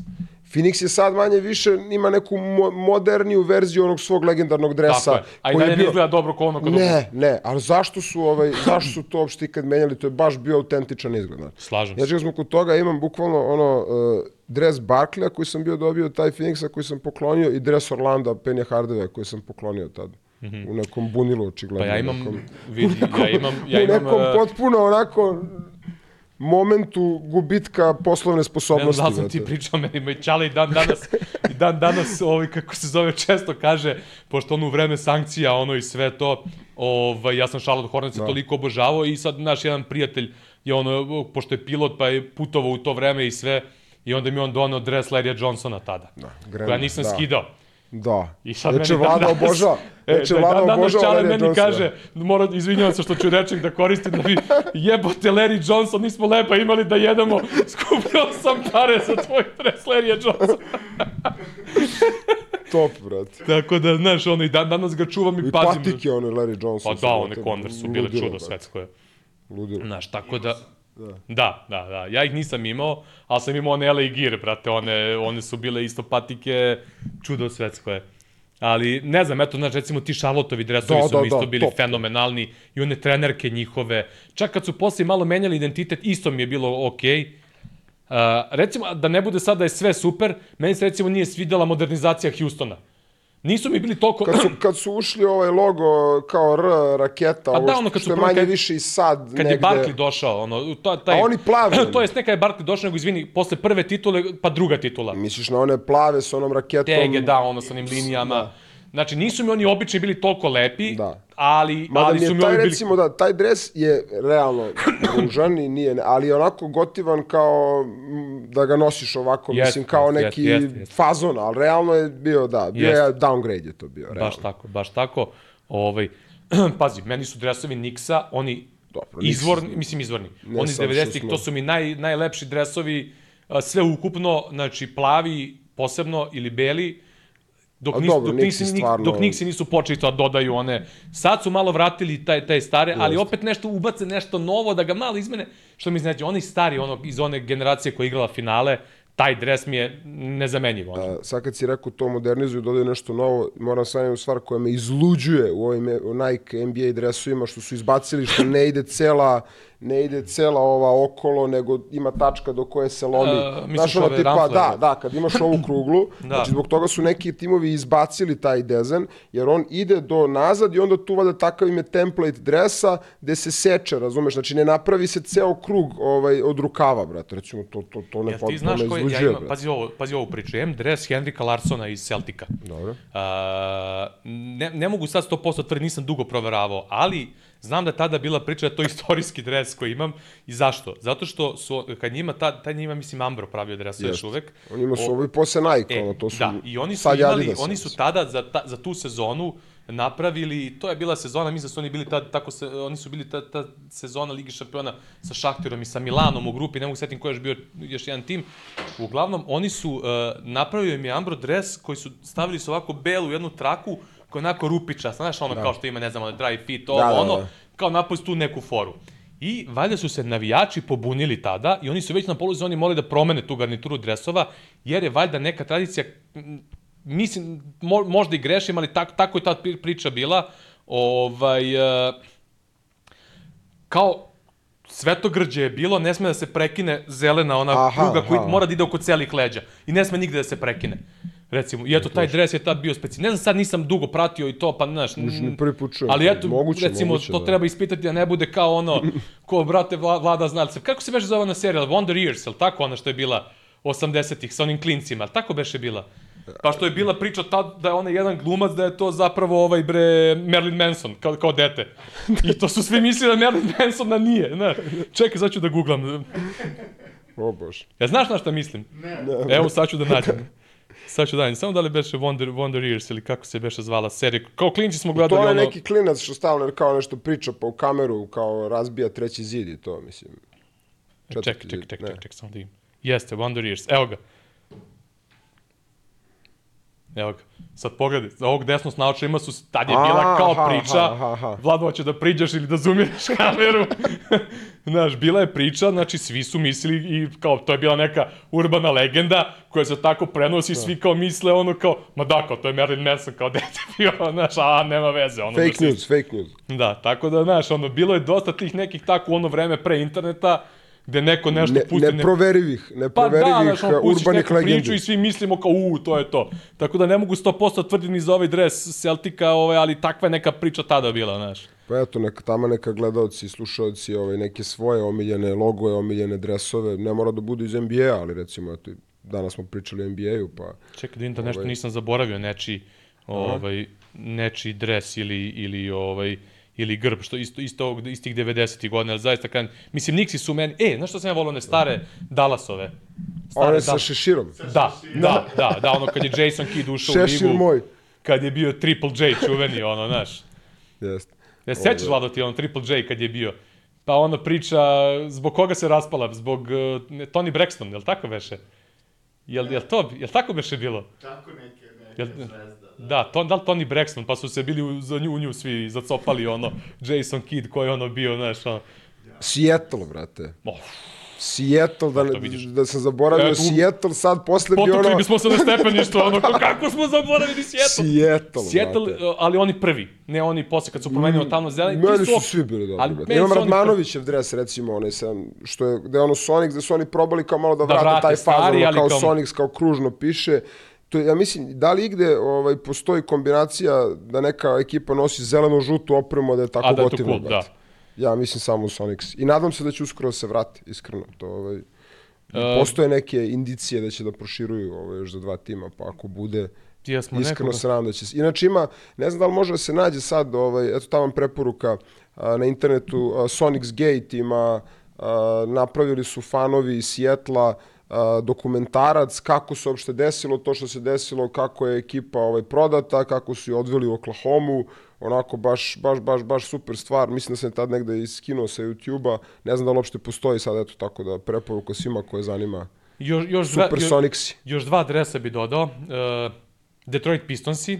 Koji? Znači, pričamo prvo o onim Sigurno starim. ne onim sa, E, sa sad hoću, konjem. prič, hoću da pričam o tom Grand prelazu. Hill. Prelazu, da, Grand Hill i to sve. Taj prelaz, A, bio je popularan dres zbog Kako Hilla, a, moji vršnjaci, odnosno kakav moji vršnjaci, ono moji drugari iz osnovne škole, dosta, je bio kupovan taj dres. A, ona boja je bila specifična, onaj, ona što ti Pa rekao. kao, da, pa tad je svuda bila popularna. A, boja. jeste bio kao neka, neka promena napredak, ali i dalje se meni oni stari više sviđaju. Obolji su, mislim. Ne. A, I Washington Bullets Meni su bili bruka. Ja volim te, prvo volio sam taj logo Bulletsa. A stvarno su promenili bulice kao zbog nasilja u Vašingtonu, pa kao da ne bude asocijacija sa bandama da, i da, to. Da, da, da. Uh, i, znači, taj su dres... našli Vizarce, brate. Gde su Dres mi to je bio, našli, pa brate? poznati, ovaj, kako se zove, čarobnjaci iz Washingtona, iz DC-a, znaš, ono, imaju ih, pa ko Utah Jazz, ali dobro, Utah Jazz. A dobro, oni su došli od New seljenja Orleansa, franšiza iz New Orleansa, da. Najbesmisleniji Pa A da. gde pa ide da. uz YouTube jazz, brate? Da. E, to mi se sviđa kad je uzeo ovaj, Pa, brate, New Orleans Jutini- kad je kupio. pa Jutini dresovi Što je stari- promenio u Pelikanse, ovaj, to mi se baš sviđa Da. taj potez. Baš je dobar potez bio, iskreno. E, i, na kraju ti Jutini dresovi su meni stari isto Ko oni okej. ljubičasti. Ali ne oni kad su igrali finale sa Bullsima, nego oni pre toga najobičniji Pa oni. posle su ih i vratili. Da, vratili je su. Hayward igrao, oni su tad vratili faktički taj isti, da, ovo je sad je katastrofa, brate. Ovi sad, oni su prazni, samo s ogromnim fontom je Juta i broj meni su oni možda meni- najgori dresovi u ligi. Meni nisu toliko. Meni su Znaš, pa zato to. što ih vadi ona boja malo, znaš. Bukvalno sad majicu uzmemo i ispišemo Jesu, Juta, je, brate. jesu, ono, jesu ono u smislu siromašni na neki Znači, način, ono nisu kreativni, preto, ali mi nisu ni katastrofalni. Što ono, kao Ali kažem ti, imam, ja imam te delo. neke, te neke dresove koji su ultra jednostavni, koji mi sviđaju, kao što recimo Nixi, ti stari i ti Washington Bullets, on najprostiji mogući dres. Inače, to, kad se već vraćam u tu neku prošlost, da kažem eh, ka, kakav je e, kulturološki šok za nas bio, e, kada je 96. godine došao Juwan Howard u Beograd. Znači, posle one Fab 5 ere, on postaje NBA igrač i tad su bile one Nike patike uh, i dan danas su mi to najomiljenije patike koje sam ikada imao. Sećaš, ceo NBA ih je nosio uh, od Pipena pa nadalje, što su uh, crne su, a imaju kao pumin znak i onda unutar toga crni mali svuš, onaj Nike. Mm, Kad bih video, sigurno bih Ma znao. znaš sigurno, što cijela NBA liga ih nosila i onda je došao Juwan Howard kao promoter Nike-a. To je bio onaj period uh, posle sankcija kod nas, kad je krenulo polako sve da se otvara, Partizan i Zvezda su potpisali u košarci, Partizan u futbolu je imao Nike uh, kao proizvođača, Juwan Howard je došao kao neki promoter Nike-a, u Šumicama je održao neki kao trening i to mi je drugi i jedini, uh, to je drugi, uh, da kažemo i završni autogram koji sam ikada tražio u životu, ovaj, kako se zove, prvi je Snežana Pajkić kad je uzela, kad je ono uzela onu, onu, onu medalju i sve, seo sam i slučao na Zlatiboru, znaš, ono, tad smo mi sve pratili, to je bio takav ono uspeh ovaj, za našu atletiku i, i eto, Juvan Howard. I to je bila kao neka pozivnica, sjećam se, imam taj njegov autogram, a, tada kao igraš Buleca, došao, došao u Beograd, znaš, i te patike i to sve, ja ne znam da li danas nešto može da me oduševi, kao što me tada dolazak Jovana Howarda oduševio je. Znaš koje su meni patike bile, ono, san dečački, uh, one Jordanke koje nisu Air Jordan serija, nego koje je nosila naša reprezentacija 98. ili 99. A, znam. Što ima one su kružić. Kao, da, da. što ima što kao, su kao je da kao su- Jordan Team uh, serija, nije, Da. znači ono, nije zvanično Air Jordan, Znači, te patike, brate. Ima ono kao i napred. Cijela reprezentacija je nosila, tipa, mislim da Sale nije nosio možda još jedan igrač. Ono. Mm -hmm. Tada 98. ili 99. je to bilo sad. 98., 98. da, jel? da. Znači, te patike sam ono sanjao bukvalno. Da, brate. znam, znam koje su. Ove, man, a, mislim, i same patike, to pričali smo Da. o tome, isto, patike iz tih 90-ih, ono, i sve više ih sad vraćaju u prave i one to i... E, e, Barkley sam video pre neki dan u outletu jednom kod nas, ne znam koji je broj, bio sam se šokirao, druge, dvojka, mm. -hmm. Barkley, to nisam znao, nikad nisam video kod nas te patike, brate.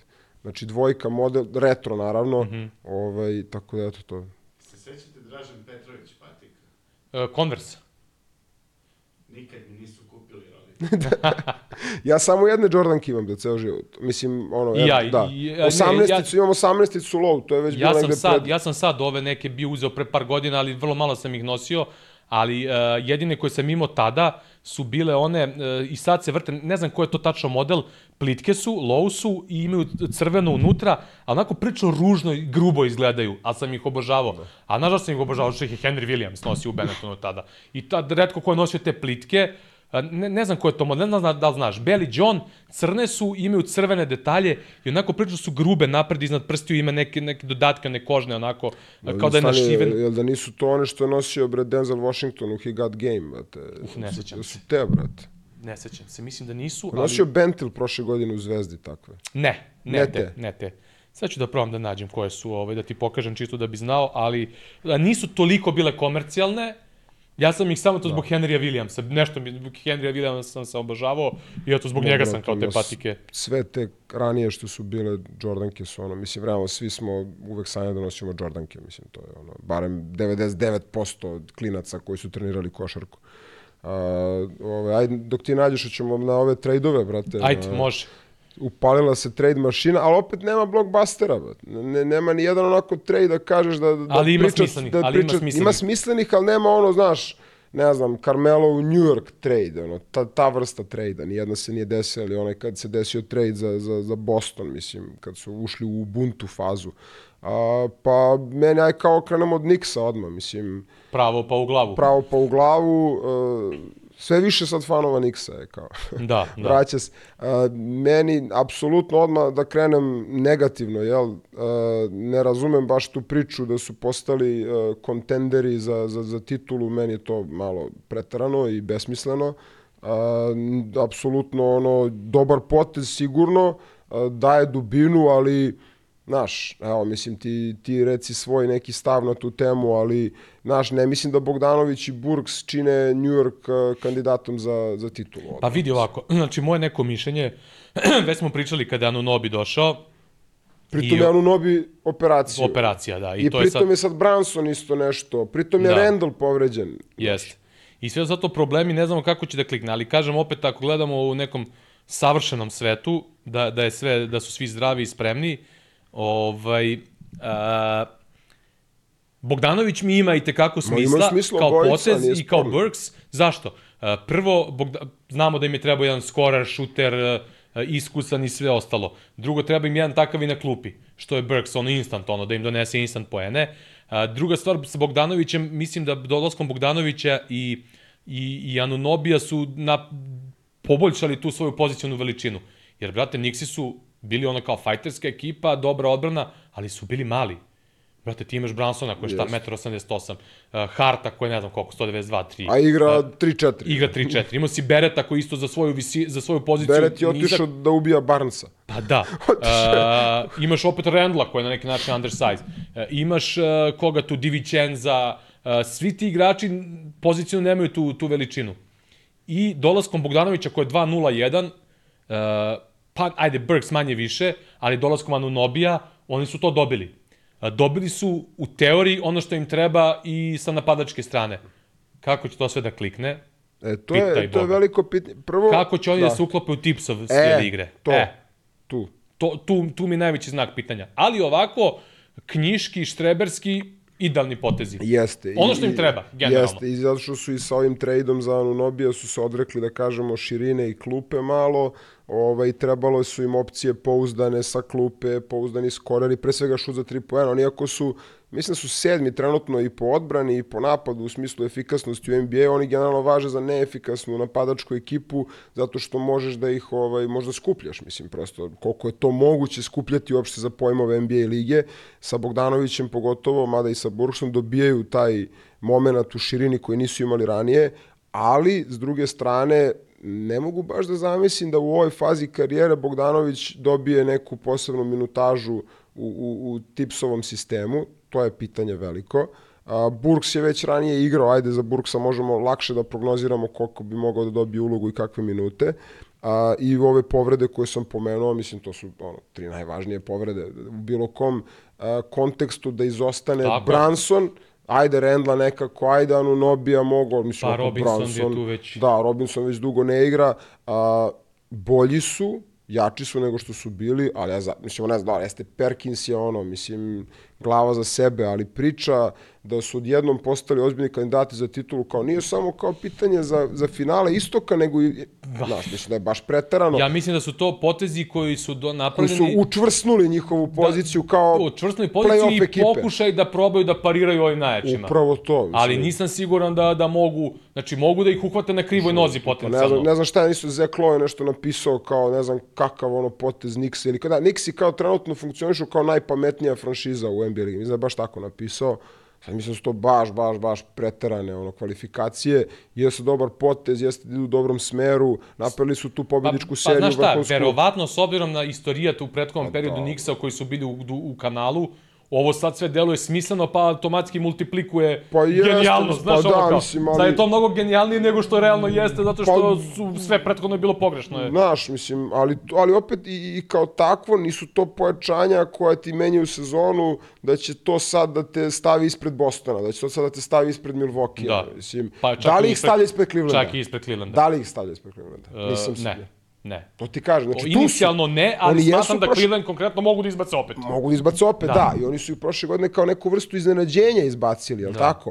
Ali da, da sad kažemo da su oni sad jasni, sigurni, apsolutni favoriti protiv Clevelanda. Nikako. Pa to ti nikako. kažem. Našao sam patike. Znači, pokazat ću ti, da one se vode kao, kao jedanestica. Aha. Ali nisu ona jedanestica, ona lakirana. Znači, Pretpostavio sam da- i, da je- Jedna od najružnijih Jordanke, ali meni najdržih. Ova. Ma što ružno, bro. Pa ne znam, neobično, grube su. Znaš, brate, grube su. Ne znam, Vlado, jel brate, vidiš ti 11 ko je? Ne znam da li se vidi ovde, e, kako da okrenem prema kameri. Jel vidiš ko je? E, ta.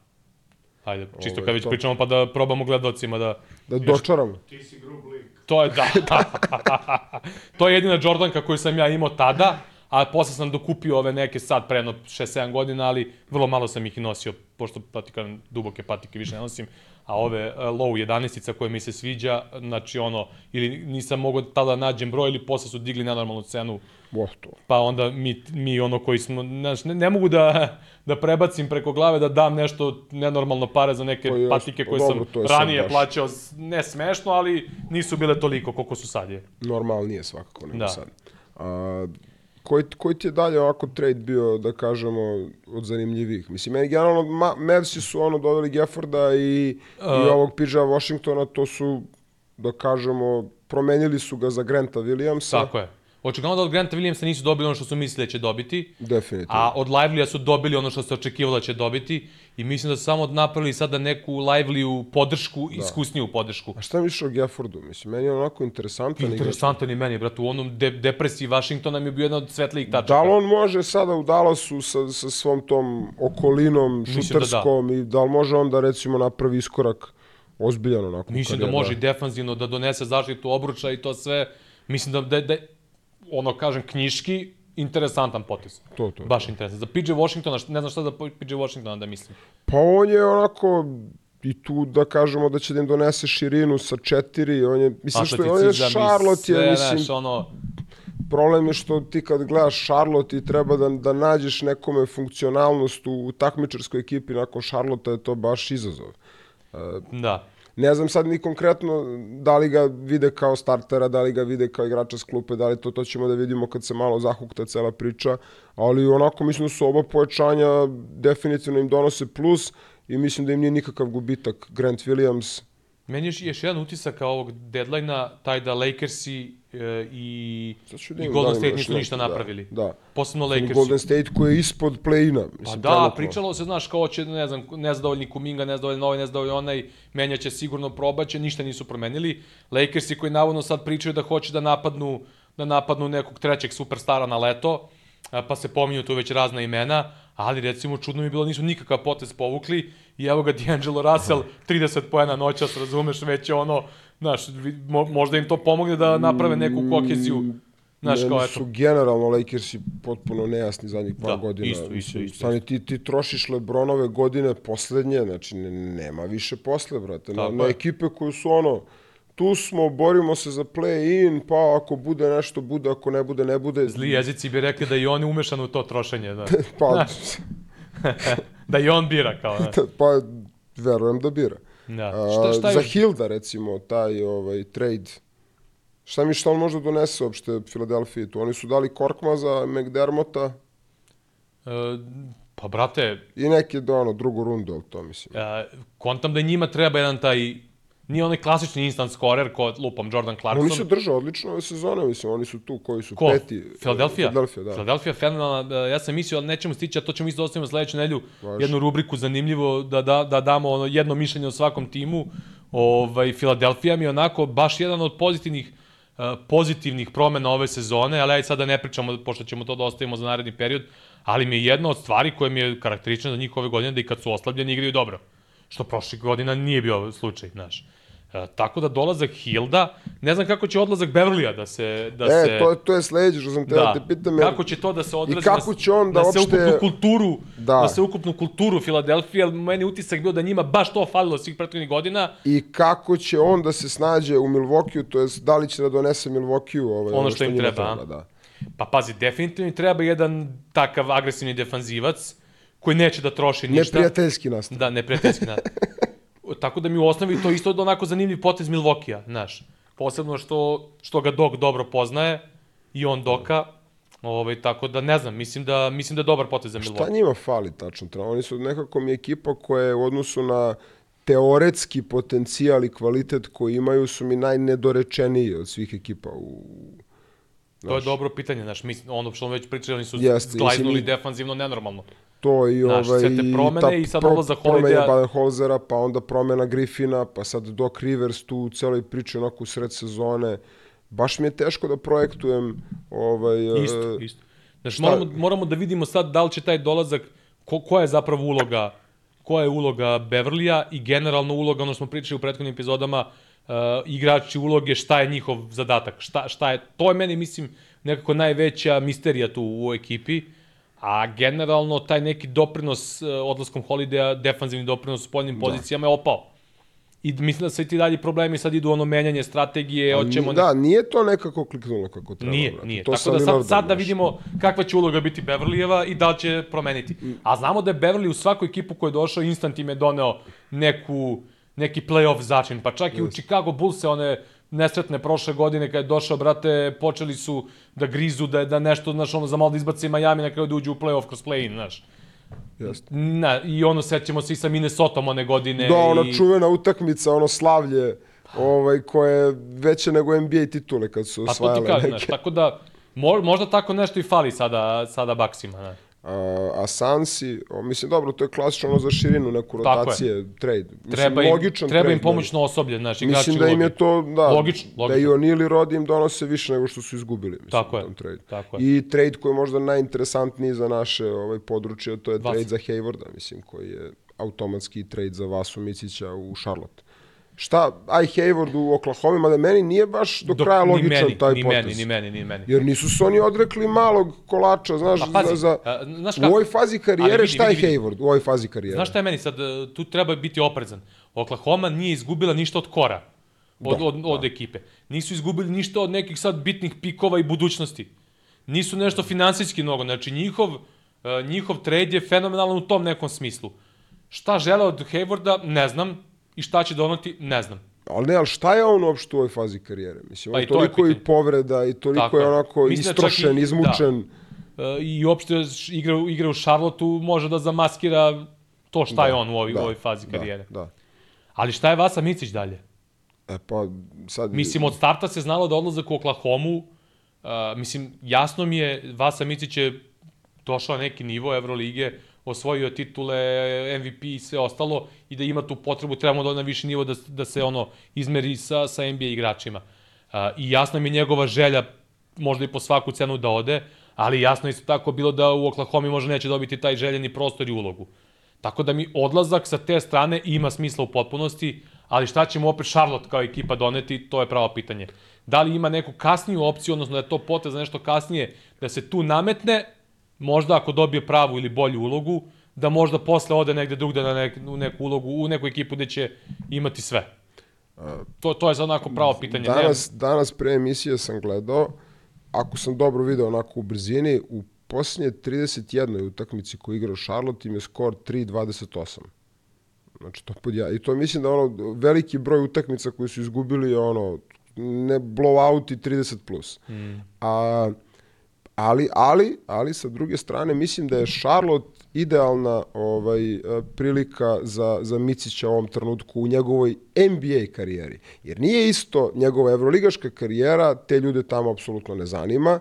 Znači on ima svoju evroligašku karijeru koja je jasno i MVP i Evroliga osvojena dve godine, znači sve to stoji, a njegov, za njegovu NBA karijeru i za ono jump start iste, mislim da njemu treba takva neka ekipa da je Znaš, ono, Znači, radio, ne radio, svira mi radio, žurka, zabava, da on malo oseti Da daje 25, da tako ovo, je, da ono i oseti da onda ligu, kažu, a. statistiku, upravo to. I mislim da s te strane, ako postoji šansa, a s obzirom na roster Šarlota, ja verujem da i tekako postoji šansa, da, on zakači u startu ne, nek bude 15 do 20 minuta u kontinuitetu na svakoj utakmici. Pa će to negde raskoči na 20+, plus, negde će možda da ode na, na ne znam, 10, ali će iz tog kontinuiteta, verujem, on napraviti onako statistički učinak koji će ga zadržati u ligi. A, Jer ja ne znam sad recimo koliko je on uh, u svojoj glavi uporan da ostane u NBA ligi. Znaš, Da, to je da. sad isto veliko Jer će pitanje. sigurno njega u nekom periodu tražiti najjači evroligaški klubovi. Upravo to. Šta će tu, ali to, ta, što bi rekli amerikanci, trajektorija karije, Da. karijere je nešto što je recimo Bojan Bogdanović imao.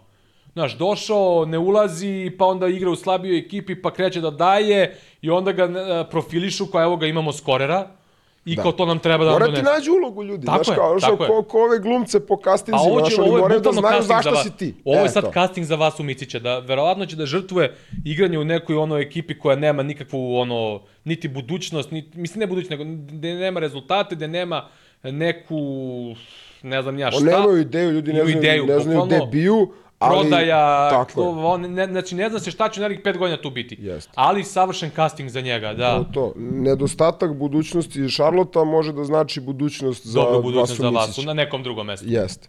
Ili pa i na kraju krajeva možda i tu, mislim. Pa, Prosto, možda, da, Može ako se desi na leto, čudo. može se desi ne znam nije šta, mislim, upravo to, jer možda ode u no, lošijem smeru, teško da možda ode, ali možda ode u boljem smeru priča Da. cela. I sad recimo tu i sa Lamelom, ovaj, generalno mislim budućnost Šarlota sa Lamelom je meni onako uvek bila specifična, znaš, jer, jer kad god imaš igrača kome sve ostalo zanimljivije nego što je košarke, to, to je uvek bez obzira na talenat, bez obzira na sve, Pa da. to je onako dugoročno problem, mislim. Tako da, ali kažem, baš me zanima, prvo da li će tu, ovaj, verujem da će ostati do kraja sezone, i da li je, a mislim da se tu lomi sve, da li je njegova odluka, ono, ne, ga, ganjaću NBA karijeru po svaku cenu, ili, ili će da mu bude zanimljivo kad ga pozovu, a pozvaće ga sigurno, znaš. Jer ti moraš, e, meni je takav utisak iz godina praćenja NBA lige, kod igrača iz Evrope koji odu tamo, da kogod nije doneo tu odluku da će da gura do kraja šta god bilo, Brzo se vrati. brzo se vratio.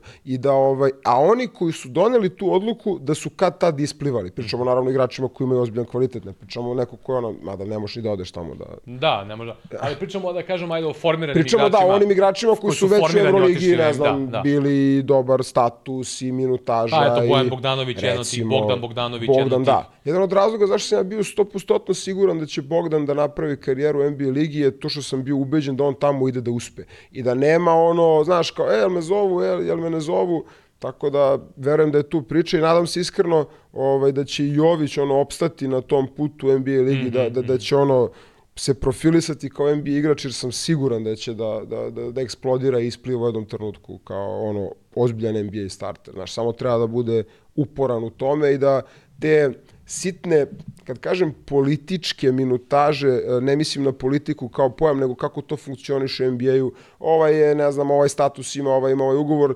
a, mnogo čekanja na red tvoj, mm -hmm. ovaj, da to ga ne ubije u pojam, uh, jer prosto mi tako mi izgleda, tako mi miriše ove sezone, neko, neko nestrpljenje, osjećam da ovaj, bi volao naš da igra više, pa da prosto tu postoji uh, neka vrsta problema, izgura, da nastavi, da sigurno se će imati ono baš, baš ozbiljno NBA A, karijeru. ja sam njega gledao letos na letnjoj ligi, a, koja je bila pre svetskog prvenstva.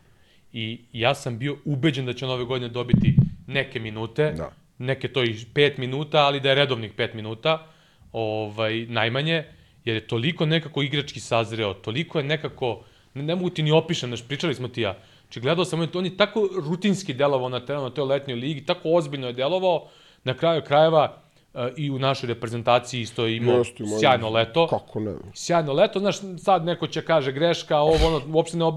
Znači, s obzirom na njegove godine, na, na to da mu je prva reprezentativna akcija, da sve, znači, on je bio fenomenalan vrlo, je bio. vrlo, vrlo jedan, uh, da kažemo, ravnopravan član reprezentacije. Dobro, Ne, a znaš, nije ono to kao bilo samo, kao evo, na, oni kao projekat Mlad za budućnost, da, dajmo mu, da, da. nego on baš onako zasluženo bio starter. Jeste. Znaš.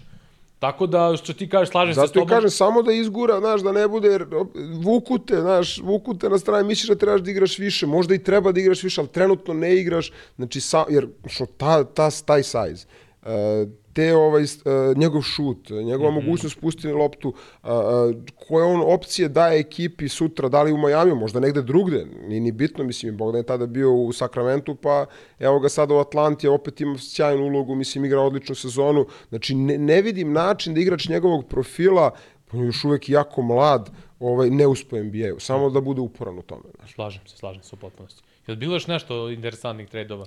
A, po Ja- trejdova, pa ja mislim da je to od Do, ovih... mislim da je e, vredno spominjena.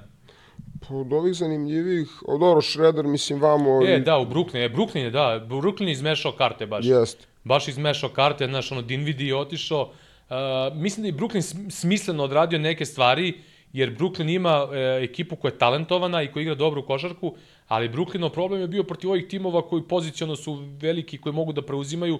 Oni bukvalno nisu imali rešenja, niti igrača koji može da donese rešenje na to i njima je trebao jedan taj, jedan taj začin u vidu, u vidu uh, Šredera. Uh, tako da će mi oni biti interesanti sad da ispratimo ono, znaš, da, Simon i se vratio. Toronto je Olinika isto. Ovaj. E, da, da, da. Za njega je bilo dosta interesovanja. Skupljaju kanadsko tvrdo jezgro. Da, za njega je bilo dosta interesovanja, na kraju je tamo završio, znaš. Toronto polako... Očigledno rebuilding neki, mislim. De, pa do, to je bilo negdje da. začekivati, samo malo je kasnije, ja sam mislio da će to još letos da odrade, ali...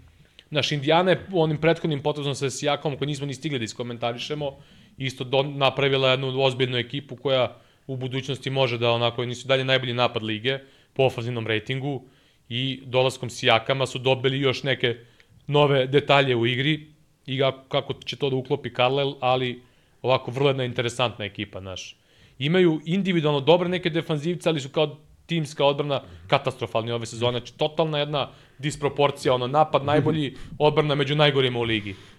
Pa imaju sad onako jezgro Oni su, izvini, taman. oni su ti ona da. priča Jason Williams i, i Captain Jack, ono, znaš, ko bi da. dobio pet ovih ili pet onih, znaš.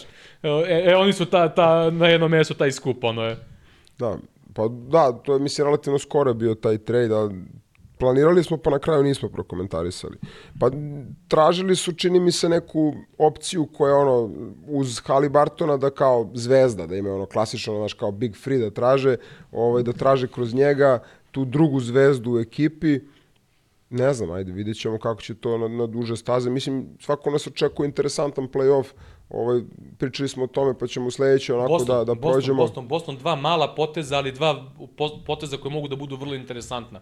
A, oni su doveli Xaviera Tillmana Jest, iz Memfisa, jest. koji je ovako e, ispod radara, znači e, mali ugovor, mogu da ga produže sledeće sezone ako se dobro pokaže, a nema razloga da se dobro ne pokaže, treba im još jedan igrač u rotaciji, a, neki opšti konsenzus u NBA ligi je da je Xavier Tillman igrač koji najbolje čuva Jokića, Znaš, onako, to je neki, neka opšti konsenzus. Uh, meni se on isto sviđa. Uh, igra dobru odbranu, može da donese neki... Nesuđeni vrhunski evropski igrač. Tako je. Jedan od onih nepreželjenih. Da, da, Znaš, da, što da, gledaš da, na da, koleđu i kao... I siguran si, si- Sigurno ga neće ovi zemlje, da. evo ga, idealan za Evropu. Jest. Ali on ipak se izbori, izbori za neku kakvu takvu ulogu. E, tako da mi to ovako e, ispod radara jedan od možda najboljih potencijalno poteza. E, plus su ovog Jadena Springera doveli iz Filadelfije, koji ove godine u Filadelfiji tu i tamo dobio je prostor, igrao je korektno, ništa sad spektakularno da zapadne za oko, međutim on je prošle godine u G Ligi iskidao, iskidao je sezonu i e, Sam Cassell, kojemu je bio tamo pomoćnik i, i, i još jedan je, ko beš onaj stručnog štaba je prešao, uh, u Boston, uh, plus Brad Stevens, mislim da, da je rekao da su oni njega pratili, su želi da ga svovremeno trade, da ga draftuju, ali da nisu uspeli, uh, tako da to je jedan igrač koga oni očigledno jako žele i imaju poverenja, tako da će me zanimati kakva će njegova biti uloga i šta će Boston dobiti. Jer pričat ćemo o Bostonu te naredne nedelje, onako dosta, dosta tu ima stvari o kojima može da se priča, tako da ova dva njihova poteza koje su povukli mi deluju da idu u tom nekom smeru da se ojača ono što je, što je bio potencijalno neki problem. Da. Pa okrećemo se polako, mislim, jednim delom ovaj, ka NBA ligi, zato što to smo i pomenuli na početku snimanja, da ćemo, kako dođe, ovaj, kako bude se približavao play-off, da ćemo isto malo više fokusa staviti na NBA ligu i da tu dešavanja. Pa da, tako da. posebno kad bude kratno NBA playoff će se završavati Pa, Euroliga, ovaj, jer Euroliga se vrše, mislim, tamo negde, slagaćete, mislim, 12. aprila da je poslednje kolo ovaj, regularnog dela, onda ide playoff i Final Four, tako da tih tema će biti sve manje, a NBA tema sve više i Pa više. to, to. Tako da. Ili ima još nešto za ovu epizodu? Vlado, koliko smo upucali sad? A? Šta to znači? Preko dva i Ja? onda nećemo ništa A više. ko bi rekao kakva, ko bi rekao, brate, kakva ono epizoda, krenuli Mračnjačka. smo, da, krenuli smo depresivno, pa onda smo malo ušli u nasilje, pa... Pa smo ušli u da- estetiku. pa smo ušli u estetiku, Da. pa onako, o, o- ovo su prave one epizode, znaš, ono, samo za odabrane ovaj, sladokusce Da. podcasta, brate. Ništa E, ono, da vidimo ništa... koliko će ih biti sad posle poraza večitih i ovih O, kriza. ovo nije za ono, za jam pop, brate, nije za Da. Širo, ovo je onako za Dobro. tvrdo, za tvrdo što, što jezgro, bi rekli, ili imaš još nešto da dodaš što već nisi rekao? Znaš on? Jedan da dodam, koji ti je omiljeni sportski film? Kad bi jedan trebao da kažeš, bre, ako nemoj iznenada. to, pa Jedan, to. ne, samo da kažeš, ne, ne, ništa da pričamo, samo jedan ovako. Ajde ovako, ajde Na o, brzinu, jedan Remember samo. the Titans, bez previše razmišljanja. Titans, da. Ali, znaš, koliko to sad strogo samo sportski film, više je sport Da, to, kao... to, to. Ali, brate, brate, Draft Day obožavam, znaš, pričali smo, eto, znaš. Ne mogu, ne mogu, nemam te rang Namjerno liste. sam, to, pa zato sam te onako, znaš, ono na prvu, brate. Nemam rang te liste, znaš, i nemam ono naj... Ni, to sam stalno i ranije pričao, ono, i sa Gilletom sve vremeno. Nemam ono da mi kao najbolji drug, ne, znači imam Pa to, više. to, to. Na, ne, nikad nemam Da to naj... omiljeni, da. Pa ne, da, znaš. tako da ima gomila tih filmova, ono, Ali eto, rekao si Remember the Titans. Remember the Titans, eto kao na prvu da kažem, Remember the, remember the Titans, ono, znaš. A posebno i, i e, situacija u kojoj sam ga prvi put gledao, a, gledali smo ga i moji drugari, to je bilo slagaćete, mislim da je baš bilo te neke 99. ili tako nešto izašao. Znaš, ono, još smo bili ono srednja škola i na festu smo gledali. E. Znaš, ono, ga baš, poseban, ispoštovao, da, da, poseban vibe, na festu gledaš kao to, baš je onako, znaš. Top. A tebi? Pa nemam pojma. Trenutno mi u glavi nešto mi se vrti već dani Main Given Sunday, brate. Ne, ne, nemam pojma zašto. Nije mi omiljeni sigurno, ali... ali je Glory Road, upečatljiv. Glory Road. Da, da, Glory Road. Ne, ne bi znao da kažem koji mi je, ovaj, iskreno. Ni, ni, ni na prvo ovako da me ubodeš jedan da izdvojim, nema Eto, šanse. eto ga opet foliran. Na meni, aj na prvu brzo, onda sad on nema, kao, znaš. Pa nemam stvarno, sad kad bi rekao jedan, eto kažem, evo, mota A mi na- se po glavi Any Given Sunday, ne, ne znam zašto, nisam ga dugo gledao, pa verovatno zato, recimo, taj film obožavam da gledam. Ovo je totalno je ono, poremećen. Jel, brate, jel se vodi kao sportski film Jerry Maguire, kao, znaš? Pa da, to je onako, Pa to- to naj, ono- naj, najprigodniji da ga gledaš sa lepšom polovinom, onako. Da. Da. ako ne. Ali da li je sportski ili nije sportski? Pa jeste, pa kao, kao E, a stani, jel- da li, je- da li je umri muški, da li je božićni film? to je to, To, da li je umri to, to. muški božićni film ili nije, znaš? Legit, brate, domaći film, ovaj domaći, čuj, božićni film, nego Pa, šta da. nego jeste, brate. To, to ti kažem, je, tako da i ovo isto je. E se sećaš, molim te, one serije Košarkaši što je bilo, brate? Domaće? Da, Sećam pred evropskog prvenstva 2005. Sećam se, nisam, nisam mnogo gledao, ali sećam se. E. To mi je pre neki dan palo na pamet. ta Je to košarkaška serija? Jel to košar... Da, to je serija koja je košar... Ali da li je košarkaška je veliko pitanje. Pa da, pa da. Moramo da nađemo, stvarno za neku sledeću epizodu, da nađemo onako neki film ili seriju sa sportom gde su onako naj, naj, naj cringe scene sporta urađene. Ono, bukvalno, zato, zato mi se i setio sam se ove Brate, pa serije. odmah ću ti dam taj podatak. najgore, ono, znam, Brate, ljubav u zaleđu. Znao sam. kad treniraju, kad treniraju u, U dresovima, sali. ne, a u sali dva sa dva treniraju za veliki futbol u dresovima, dresovima kojima bez brojeva, bez Da, da, ičega. da. brate. E, Eto ti, brate, Da. ja mislim da li odmah odgovor, znaš. da, Hoćemo da, da ne razvodnjavamo, sad da, Da, završimo sa ljubav u zaleđu. Ljubav u zaleđu, Ljubav u da. zaleđu, brate. Jel Agram, mislim, Agram zove klub. Agram, da, Agram. da, da, da, da, da, da. Mislim, ono, pazi, jedna od redkih serija tog tipa koje sam ja gledao u svom životu. E. Znaš, eto, tako da, da, ovaj, i ostalo mi sve ono u pamćenju kao da, da mi ono omiljena bila otprilike. Ovaj, dobro. Ajde, završavamo ljubav u zaleđu, Da. brate, i čao zdravo, brate. Over Završi, and out. završi. Over and out. Ćao.